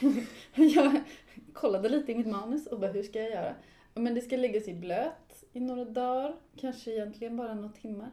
Men eh, jag la det här i blöt eh, i hinkar och sen så, vi jobbade väl mycket då. Jag vet inte om vi åkte bort eller någonting, men de där stod i, i fyra hinkar i badrummet ganska länge. Eh, typ en vecka och sen så när jag skulle gå vidare med nästa steg så eh, skulle jag sila av de här gröna bladen som nu var helt slimiga. Och som såg ganska fräscha ut upp- uppe på men under till så var de eh, ruttna. Ehm, och det luktade ruttet liksom. Och det var slemmigt. Och, ehm, men det var en period av så mycket ruttet bladslem i Mm. mitt, för jag bor på 28 kvadrat Mm. och mitt badrum är kanske en kvadrat. Så jag skaffade en sån här stor jäsningshink som man har när man brygger öl med pluppkork och lock. Mm. Eh, Allt det här kulminerade liksom någon morgon när jag hade duschat och det också var några hinkar med bladslem. Och så hade jag så på att hälla det här fram och tillbaka med olika hinkar för att få in syret i vattnet. Och så var det så klet i hallen och så halkade jag i det här ruttna bladslemmet naken i hallen. Och satt där på det här också väldigt grusiga hallgolvet. Ehm, och eh, ja men det var då var det liksom så att jag ville sitta där och gråta lite. För att det var så, och det luktade så illa. Men samtidigt så kunde jag inte hälla ut det, för det är så värdefullt. Liksom. Ja. Eh, då hörde jag av mig till just Caroline som vi pratade om lite när micken var av. För hon höll på med mycket äckliga garvningsprojekt. Ja, hon är äckligast. Så att då, då, och liksom kände att jag ville ha lite ja, så stöd från någon. Men sen så, så efter det här så hällde jag upp allting i den här pluppkorks plasttunnan. Mm. Eh, och sen så stod det länge, under hela vintern så har den stått liksom i badrummet. Men den, och poängen var liksom att det skulle börja jäsa i den här så den har stått bredvid elementet. Men den kom liksom aldrig riktigt igång. Eh, så till slut så tog jag ut en lit, alltså typ en halv liter kanske i en Mm. burk. Och den ställde jag vid ett element, alltså närmare ett varmare element så den började jäsa och så här, funkade bra liksom. Eh, och sen så någon gång nu i alltså januari kanske, februari. Mm, Som den hälldes ut. Ja, så Mm. bara så hällde jag ut allting i, bad, i eh, toaletten. Och det var så jävla skönt. Mm. Eh, och så jävla äckligt. Mm. Mm. Eh, men eh, ja, det var ju precis då som vi började bo tillsammans också. Den här stora plasttunnan stod i mitt badrum. Mm. R2D2 där inne. Ja, Mm. Och så på 28 kvadrat så är duschrummet inte så, det är inte, det är inte 10 kvadrat duschrum liksom. nej. Så det var ju Ja, det var lite trångt. spännande projekt men eh, det luktade väldigt illa också när vi hällde ut det. kommer jag ihåg. Ja, Kan toppa. ja. Jag eh, satte igång med ett, eh, jag har pratat om det innan i podden. Det, var sådär, Vänta lite, är det Kiss inblandat? ja, Ja. det blir värre. Ja. Jag har inte tänkt på att det här hände. Det slog mig nu, vad fan det är jag har gjort. Ja men okej, jag var jätteledsen en sommar. Ehm, för jag hade ärvt en, eh, ett, eh, ärvt en, åh herregud. Ja, ursäkta. Mm, eh, jag var jätteledsen som en sommar eh, på grund av att min pappa hade dött. Och så hade jag också ärvt ett hus. Eh, men så var jag där och skulle göra någonting och då, men så här, det enda jag kunde komma på som skulle göra mig lite gladare var om jag fick sätta igång ett Tuschlavs eh, jäsningsbad. Mm. Eh, så jag kissade i en hink med duschlav och ställde det där. Och sen så orkade jag aldrig mer åka dit. Någonsin. Nej. Och nu har jag sålt den här stugan. Vi sålde den liksom. Med, med Du alla sålde den på, på rot, så att säga. Ja. Så jag har liksom sålt den här kiss. Men var det lock på hinken? Ja! Okej, för det Den var varit, utomhus också. så det hade varit bättre om det inte varit lock. Men, mm. Mm. Hur många gånger hade du kissat? Liksom var, var hinken full med kiss? Ja! Det var flera liter kiss.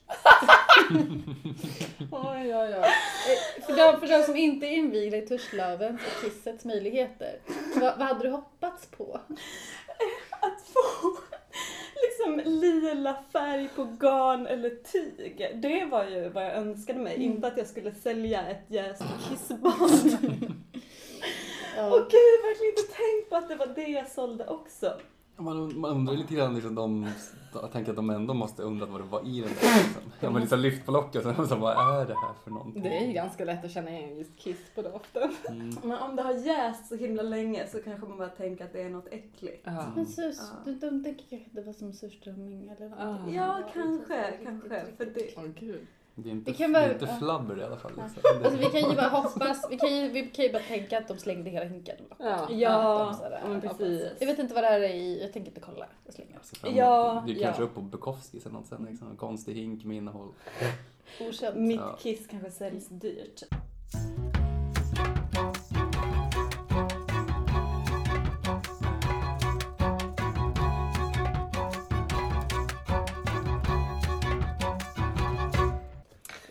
Börja från början med indigo? Vad är indigo? Ja, berätta för oss om indigo.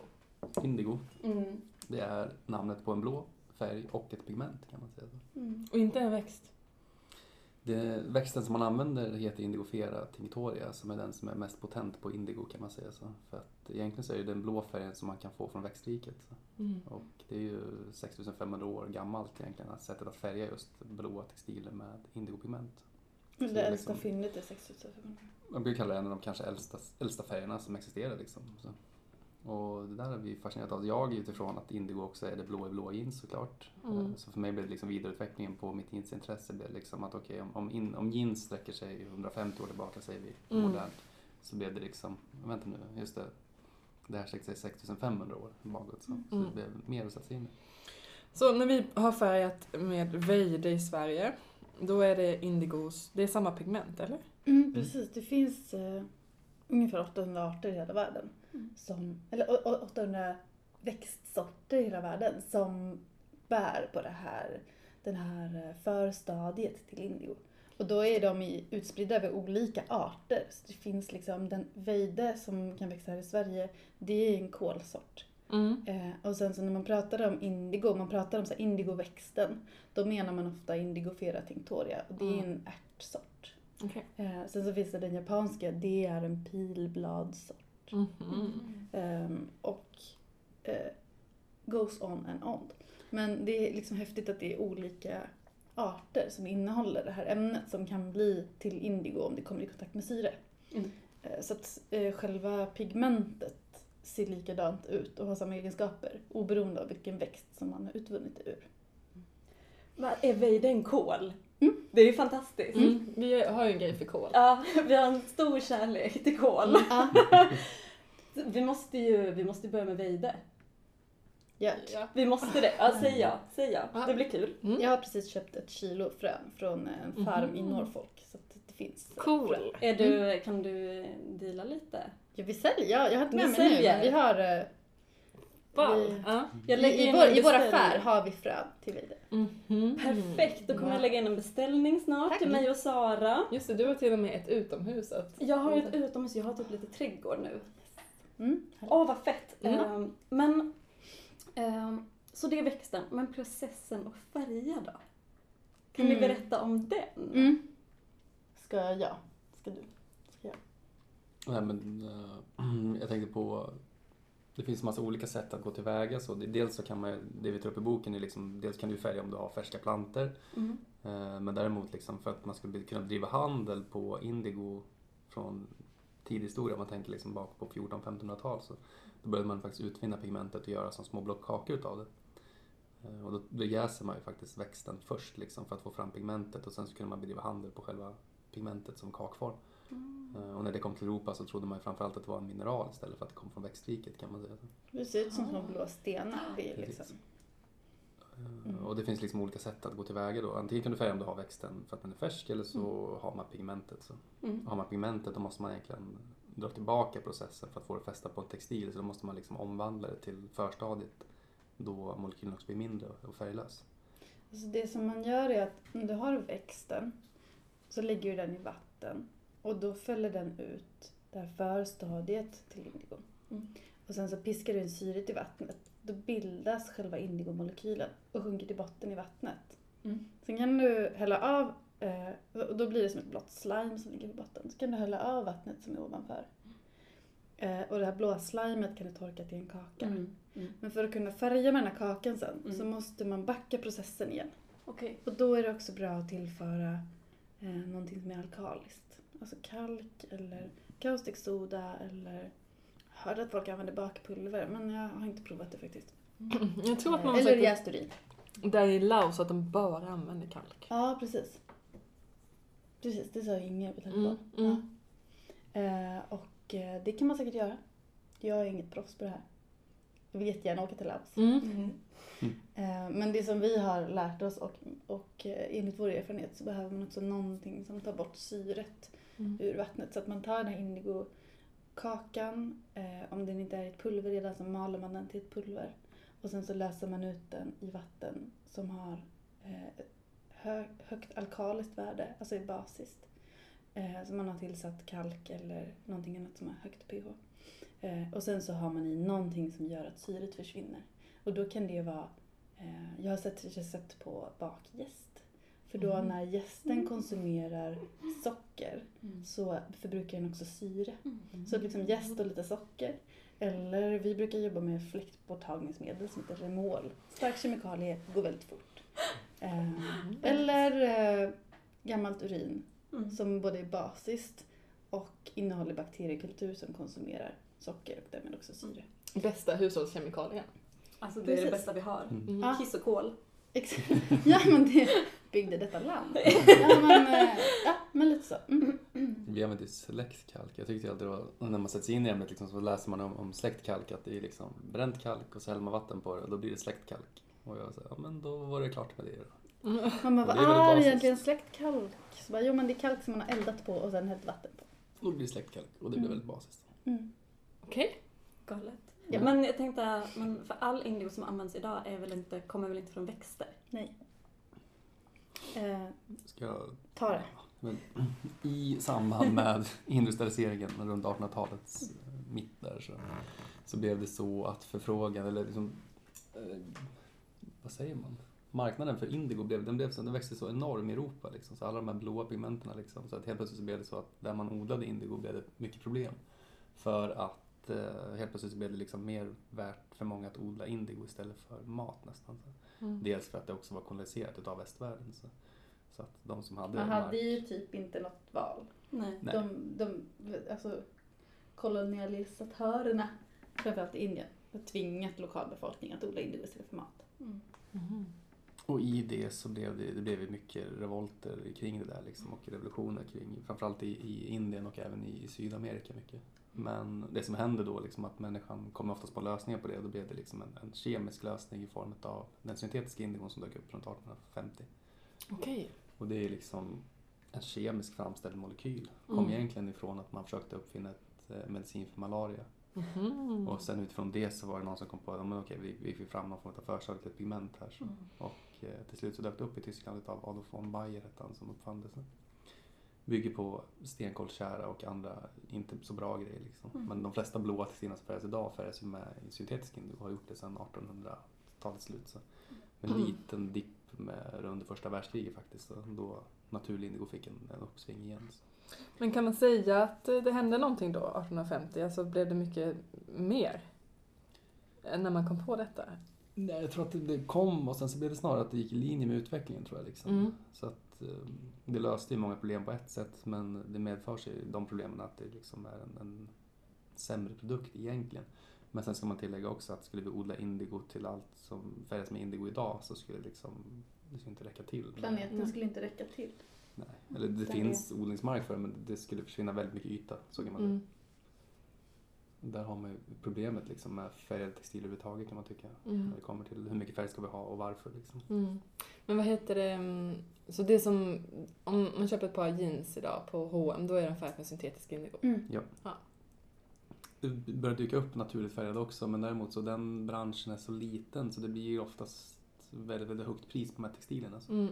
Och färgerna blir inte lika, lika, riktigt lika mörka oftast som det blir när man har doppat dem väldigt, väldigt många gånger. Så. Ja, just det. Men det finns naturligt färgade jeans, absolut. Mm. Men du, du, de finns inte på HR. Eh, Nej, det gör de inte. Men jag tror jag har sett liksom, eh, som inte är så fruktansvärt dyra märken som ändå har liksom så konventionella, det är liksom inte så special, special, special. Mm. Eller? Mm. Som jag ser det så är det special. Du, special. då är det special, Och sen special. så- Ja. Det som vi ser, för att vi jobbar ju med jeans och är nere på mässor. Jag var på mässa i Tyskland, eh, var det innan jul kanske? Mm. Ja, men i alla Ja, fall det så är det, det.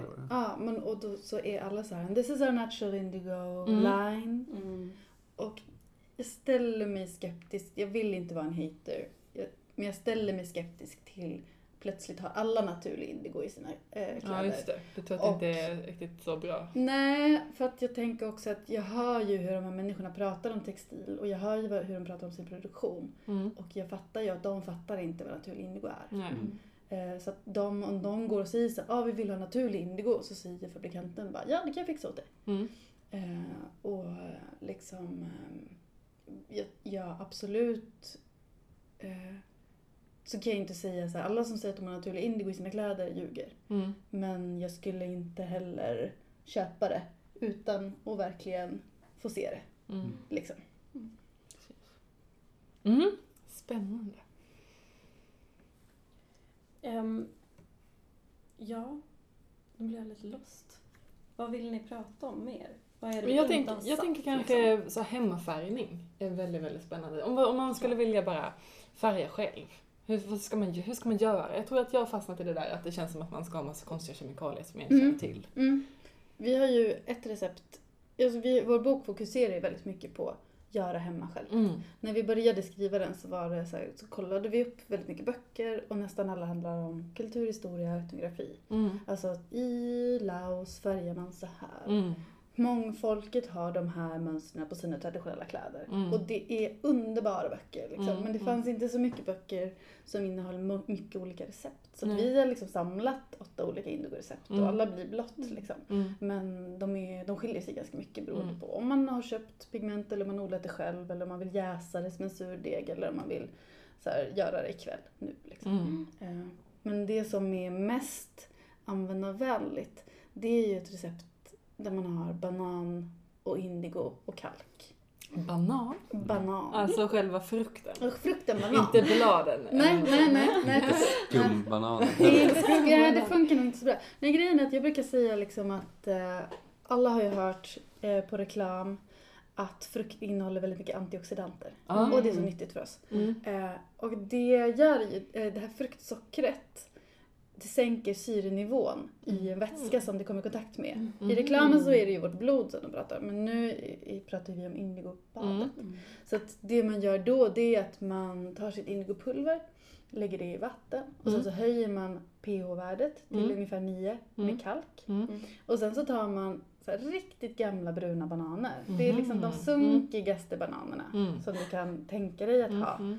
Eh, Jag har precis kastat dem. Ja men precis, men det är de. De som, de som är lite blöta när du lyfter dem. Mm. Liksom. De kokar man ur Mhm. eh, och sen så syrar man av fruktköttet. Mm. Eller slimet. Och så använder man det här vattnet som är fulladdat med fruktsocker. För att så ju, ju sämre frukten blir, ju mer, frukt, ju Man kan inte bara ta typ Dextrosol? Nej, jag har provat faktiskt. Ja. Men det funkar inte. Nej. För att Dextrosol innehåller inte fruktos. Det innehåller, nu tappar jag namnet, men det är en annan frukt, det är en annan sockerart som innehåller Mm. Dextrol kanske. Nej, men jag Ja. kommer inte ihåg. Mm. Men jag, jag, jag har provat med Dextrosol, det funkar inte. Däremot så kan man köpa ren fruktos Ja, just och det. använda. Ja. Eh, kan vara lite svårt att få tag på. Det är, det är lättare att få Mm. tag på bruna bananer. Mm. Mm. Ehm, men så det är liksom, eh, det är väl vårt mesta hemmarecept. Mm, det tycker jag. Det, det är väldigt bra liksom. Jag tycker det är kul att göra. Och man behöver inte vara jätteorolig heller för man behöver inte handskas med jätte- jättefarliga. Alltså kalk i sig i kontakt med vatten så blir det basiskt. Så att man ska ändå se upp med det. Men, men eh, fortfarande ett recept som också är sådär, du kan hälla ut det hemma i, i handfatet. Så Mm. Spola bara med mycket vatten, that's it. Ja, precis. Men eh, kul, kul recept också tycker jag. Och ja, bra. Bra. Vi har ju faktiskt även ett, ett startkit som vi just för den som vill testa på att färga själv som räcker till Det är jättebra. Då Mm. köper man det som en liten låda och där Mm. ligger det recept, kalk, fruktos och indigo. Och då kan man färga en t-shirt eller? Mm. Ja, men typ en t-shirt. Mm. Och då får man även med sig en ansiktsmask och, och handskar för handstning av kalket. Så att köper man den lådan så kan man verkligen gå hem och färga ikväll. Så. Men sen Precis. så har vi även frön för den som är lite mer långsiktig. Och även pigment då. Mm. Om man vill. Man vill köpa lite större mängd. Mm. Vi tänkte just i, i kombination till boken att, att det är kul att försöka låta folk eh, bli inspirerade och kunna skapa. Så. Mm. För det vi försökte lösa med boken var ju liksom alla frågor som vi själva hade när vi började färga. Precis. Man tycker att ämnet känns otillgängligt. Så. Mm. Men nu, Mm. Men det är också så, här, så svårt att få tag på indigo. Tyckte vi. mm. Ja. Mm. Så ville vi köpa naturlig indigo, till slut så köpte vi det från Indien. Liksom, och Mm. hittade någon. Jag tänker att folk som, för att man pratar jättemycket om, vi är ju lite inne i medeltidssvängen. Och det är många, för det är ju många som håller på med det. Och sen så tror jag att det är väldigt få som vågar färga blått för att man tänker att man måste driva upp sina egna vejdeplantor. Alla som har Mm. provat vet att det faktiskt inte blir någonting och så vidare. Mm. Och så vidare. Förlåt, men jag har sett en sån här kortbitsträngd garn som typ om man håller upp den mot en farlig röd vägg, Mm. då ser den lite blå ut. Mm. Emma Frost, pratar om dig. Men då kan man faktiskt göra så att man köper ett startkit av er och sen så färgar man eftersom det ändå är samma pigment. Alltså jag ser så himla mycket fram emot att slöjdvärlden kommer explodera av indigofärgning nu. Mm. Men jag hoppas ju det. Jag hoppas att alla i slöjdvärlden ska komma till vår jeansbutik Mm. som, så här, som är ganska oslöjdig. Mm. Och bara komma in och titta på vår lilla vävstol som står i hörnet och prova våra Mm. symaskiner från 40-talet. Eh, och, och läsa vår bok och så här komma och hänga med oss. Liksom.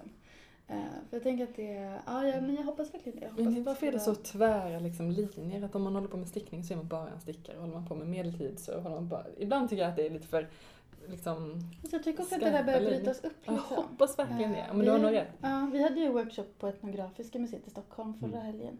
Och då var det två personer där som gick workshopen som så här, de såg väldigt 2017 ut. Ja. Eh, och, och i slutet av dagen så var de så här, alltså vi håller på med vikingatids reenactment.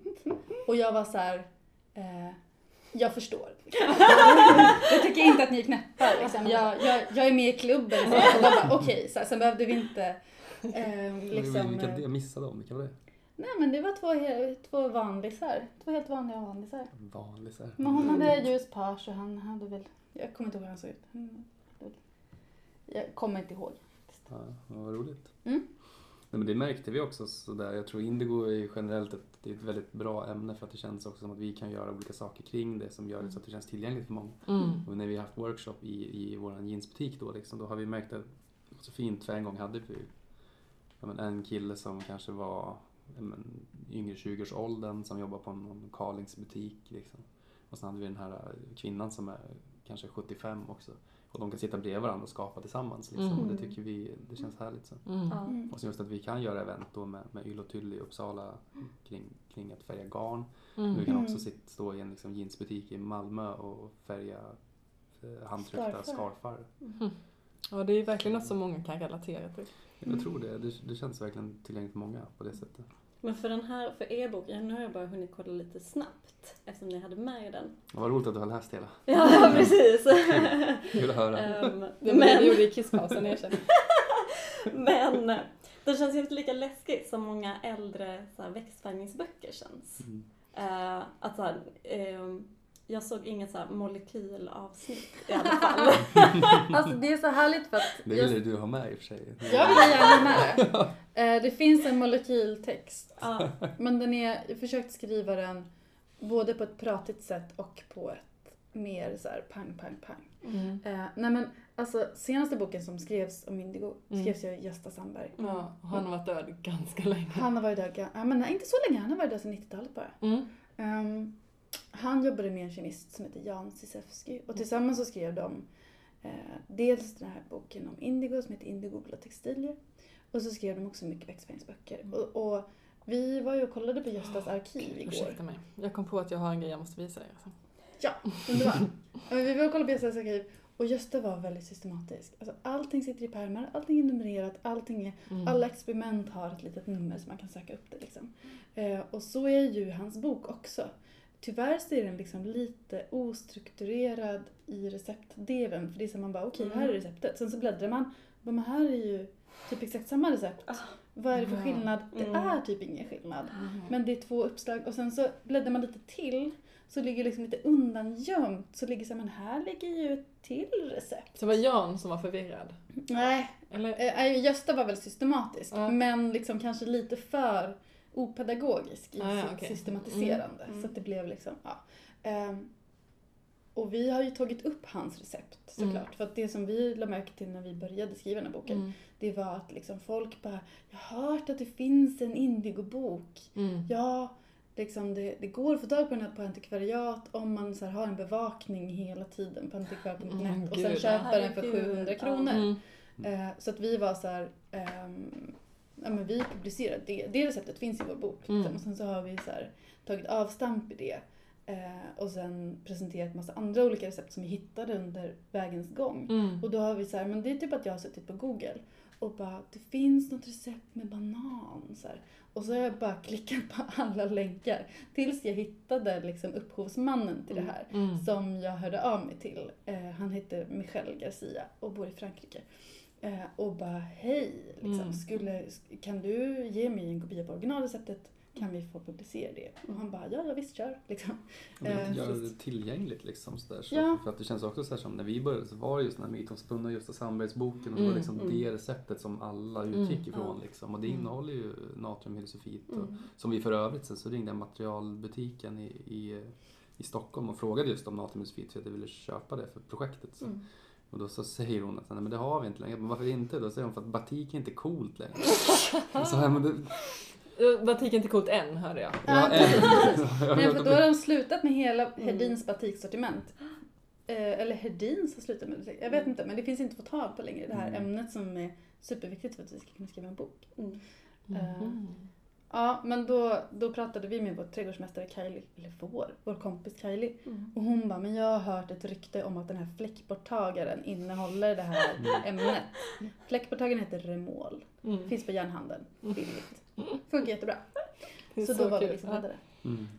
Men jag tror att jag, eller jag, vet, jag är, och jag tror att många med mig är så himla tacksamma för det, att ni gör det tillgängligt. Mm. Jag kan inte sitta och leta reda på, Nej. jag vet inte ens vad jag ska söka på. Nej men liksom. ärligt talat, det jag vill finns sätta så- igång nu. Ja men det är så många, alltså nu är ju vi kompisar, men av våra vänner som liksom, som hela tiden kommer, "Ja, jag skulle så himla gärna vilja färga indigo. Mm. Och det är väldigt mycket snack och väldigt lite verkstad. Ja men det är så supersvårt. Och Mm. grejen är att har man väl hittat ett recept Mm. och sen som du sa Douglas, ska man börja leta efter ingredienser så finns ju inte de Mm. längre. Och vi var så här, men natronlut, var kan man köpa det? Mm. Till slut så beställde jag det till järnaffären liksom. Eh, och fixa bära hem det. Och sen så var det samma sak med kalk. Alltså Mm. det går jättelätt att köpa kalk om man har bil. Mm. För då kan man åka till Lantmännen och Ja. köpa en säck. Men har man inte bil Mm. och bor i Stockholm Mm. då får man liksom beställa ett järnhandel sen så får man pirra 20 kilo kalk över halva Södermalm. Vilket du har Eh, gjort. Vilket jag gjorde. Det gick ju bra men det var också så här, glad för alla som slipper göra det. Men det var ju också när jag, när jag hittade någon som liksom, man kunde importera liksom indiopigment ifrån. Då var det också så här, man, man kunde liksom fylla i hur många hundra kilo man ville ha. Jag kände Ja, också, vad ska jag då liksom, och så ska det skickas, ska jag då hämta, hämta det liksom i, så står det så här, hämtas i din lokala hamn. Jag bara, men liksom, Vart ska jag hämta det här? Liksom? Vart ska jag ta min pirra? Är det till Göteborg då? Och liksom vinka på båten, där står man där liksom. Så. Så det är just det liksom, att det känns som att det har varit otillgängligt men egentligen så kan det vara tillgängligt också. Den enda som jag vet som håller på med indigo, det är faktiskt min egen mor. Eh, som, har en, som har en show som hon kör på stranden varje, det här har vi pratat om i podden förut också, Mm. strandväxtfärgningen för sina femmor. Så tar de till stranden och så får de växtfärga två härvor i fyra olika bad och sen så gör de ett indigobad på slutet. Mm. Där de doppar en av alla de här härvorna så de får liksom dubbelt antal Mm. färger. Mm. Och då så, då så liksom gör hon det till en show där hon liksom doppar och sen tar hon upp och då är det Mm. grönt och så svingar hon på stranden Åh, så här. vad coolt. Och alla barnen sitter där och bara och ser dig bli, gå från grönt till Ja. blått. Det är ju lite magi. Ja. Kan man köpa biljetter till den här showen? Ja, Det borde du sälja mamma. hon är. Ja, hon är en Ja. rockstar. Ja. Ja, ändå i och för sig, vi har bilder på när du står och liksom daskar garn i marken utanför butiken Ja, just det. på Södermalm i Stockholm också. Ja, Ja men det var lite samma grej också att jag stod och slog i trottoaren utanför. Men det är ju lite eh, sensationellt liksom. Varför man gör det kan man tillägga för att man vill få in så mycket syre som möjligt i mellanfibrerna för att få indigorna att oxidera. Så. Precis, att när man har liksom stoppat ner eh, indigo ungefär i badet, haft i ett alkaliskt ämne och haft i någonting som tar bort syret, så doppar man ner textilen. Och sen så lyfter man upp textilen. Och då har man eh, den här indigon som liksom är reducerad kallas det, av det alkaliska ämnet och det faktum att det var väldigt lite syre i badet. Och sen så när det kommer upp i luften, då så tar det till sig syremolekyler ur luften. Eh, och då byggs den här kemik- eh, molekylen upp igen Mm. och blir blå igen. Och det tar kanske, vi brukar säga att det tar 10 minuter eh, om den bara hänger när man står och tittar på den. Liksom. Eh, och så kan man liksom se hur den eh, går från då grönt till blått. Och när den gör det så blir den lite större än den var innan och då kilar den liksom fast sig i alla små eh, liksom, eh, alltså så i, mellan fibrerna och i fibrernas små hår, håligheter och sånt där. Jag, brukar, jag brukar beskriva det, ibland när vi har workshops så brukar jag beskriva det med, med Nalle Puh liksom när han äter, det honung han äter eller hur? Han, är, men han, är, han är inte hos kanin och äter Jo, han är inne hos kaninen. Just det. Han kryper in och äter massa honung så kommer han liksom inte ut. och det är liksom indigons förklaring för mig när det kommer till att binda till sig syre. Så man tänker att Nalle Puh kryper in och äter syre och sen så kommer den liksom inte ut och då fastnar den liksom mellan. Eh, Det är något som jag tror de flesta kan relatera till. ändå. Mm, absolut. Det är också den effekten, det är egentligen det jag tycker är så himla fint med just den färgen också för att grejen är att den blir liksom aldrig, den blir inte en del av fibern utan med tiden så gnuggas ju de här indigomolekylerna bort från plagg liksom. Mm. och där har vi ju indigons unika egenskap tycker jag i hur den åldras också. Mm. Så det, det är därför ett par jeans slits, vilket jag tycker är väldigt fascinerande. Mm, mm. Att man verkligen kan spåra vad, vad de här textilerna eller plaggen används till på något sätt. Så.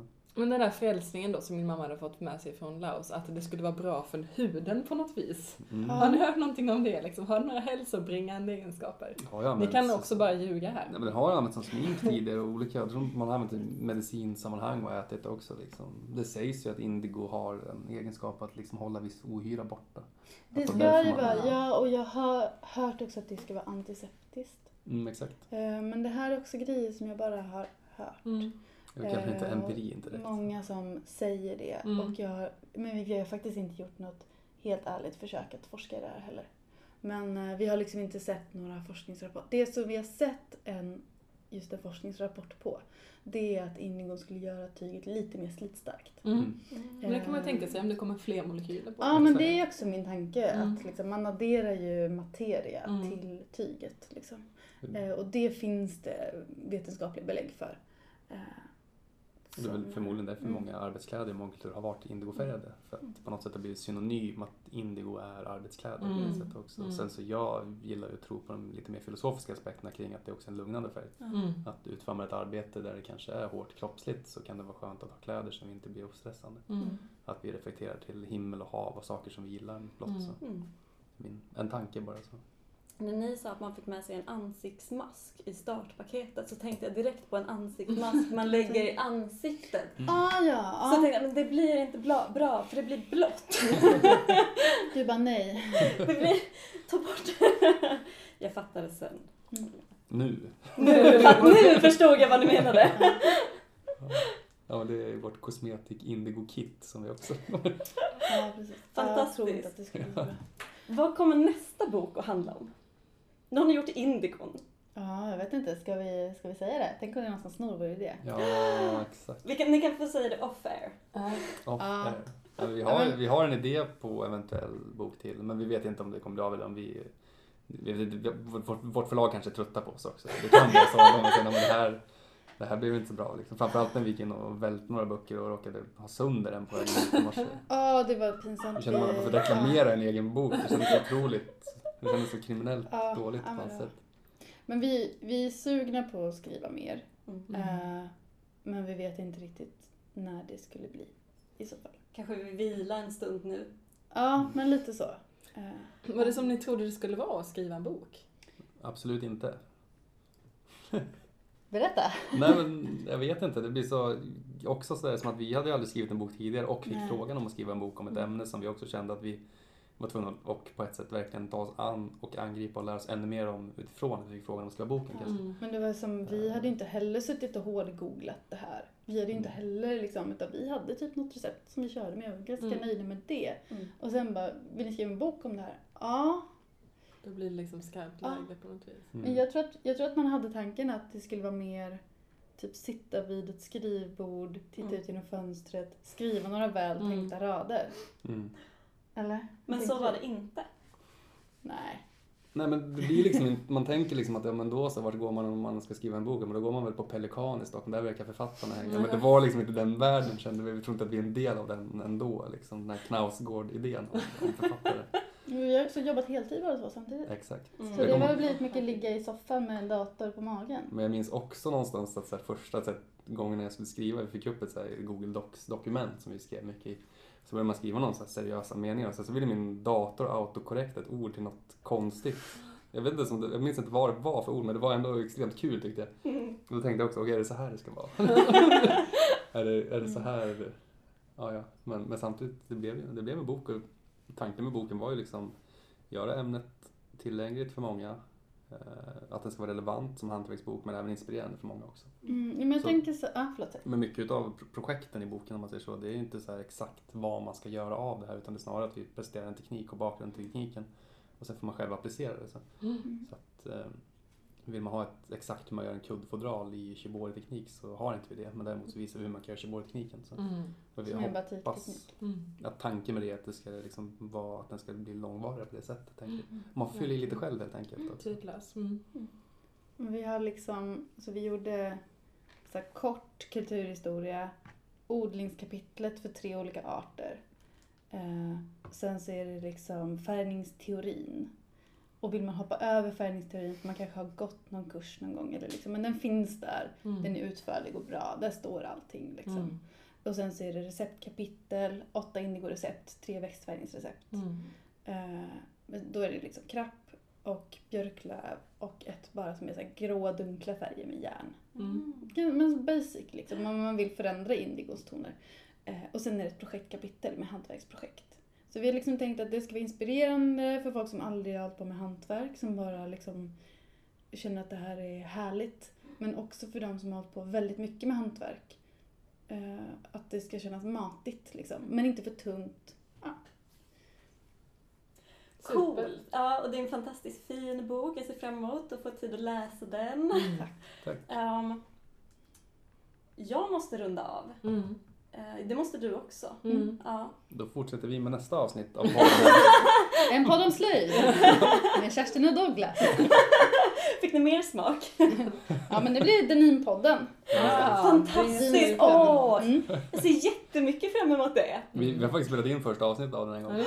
Åh, inte- vad kul! Vart kan man lyssna på det? Ja, det finns inte utan vi kom så långt så vi gjorde första avsnittet och det handlade mycket om just eh, våra resor till USA och sådär. Men vi ville göra en liksom, ta upp den scenen också. Mm. Får se om det blir av. Men Vi ser fram emot detta. Det ser jag jättemycket fram emot. Nu vill jag visa alla mina tyger, mina finaste tyger. Gör det. Ska Ja, du göra det i podd eller o- ur podd? Jag tänkte jag skulle göra det ur podd eftersom Ja. det ligger här i där ni sitter. mm. Men det är alltså en, eh, det gör sig inte så himla bra att visa textilier Nej. i podd Det i är inte alla fall. Men det är, jag har bland annat en eh, halsduk som är eh, ikatvävd eh, i indigo från norra Thailand. Som är Mm. riktigt, Mm, riktigt fin. mm, mm. Tack så himla mycket för att ni kom hit. Tack för att du fick komma. Ja, tack för att vi fick komma. Superkuligt. Ja, det var verkligen, verkligen jätteroligt. Kanske blir mer Indigo någon gång. Jag tänker, jag ser framför mig att vi kommer och besöker er Ja. i er butik Ja. och kollar och spelar in. Käka Detta pizza, må- dricker folköl, dricker indigo. Mm. Så Detta himla måste ju bara hända. Ja, det måste det verkligen. Välkomna. Så fett. Och alla ni andra också. Och, eh, gå till butiken och eh, köp boken. Den heter Juniorville, ligger på Katarina Barngata 69. Och Ja. boken heter En handbok om indigo, färgning och projekt. Finns det man kan köpa böcker? Ha det så bra, hej svejs! Ha det kanin!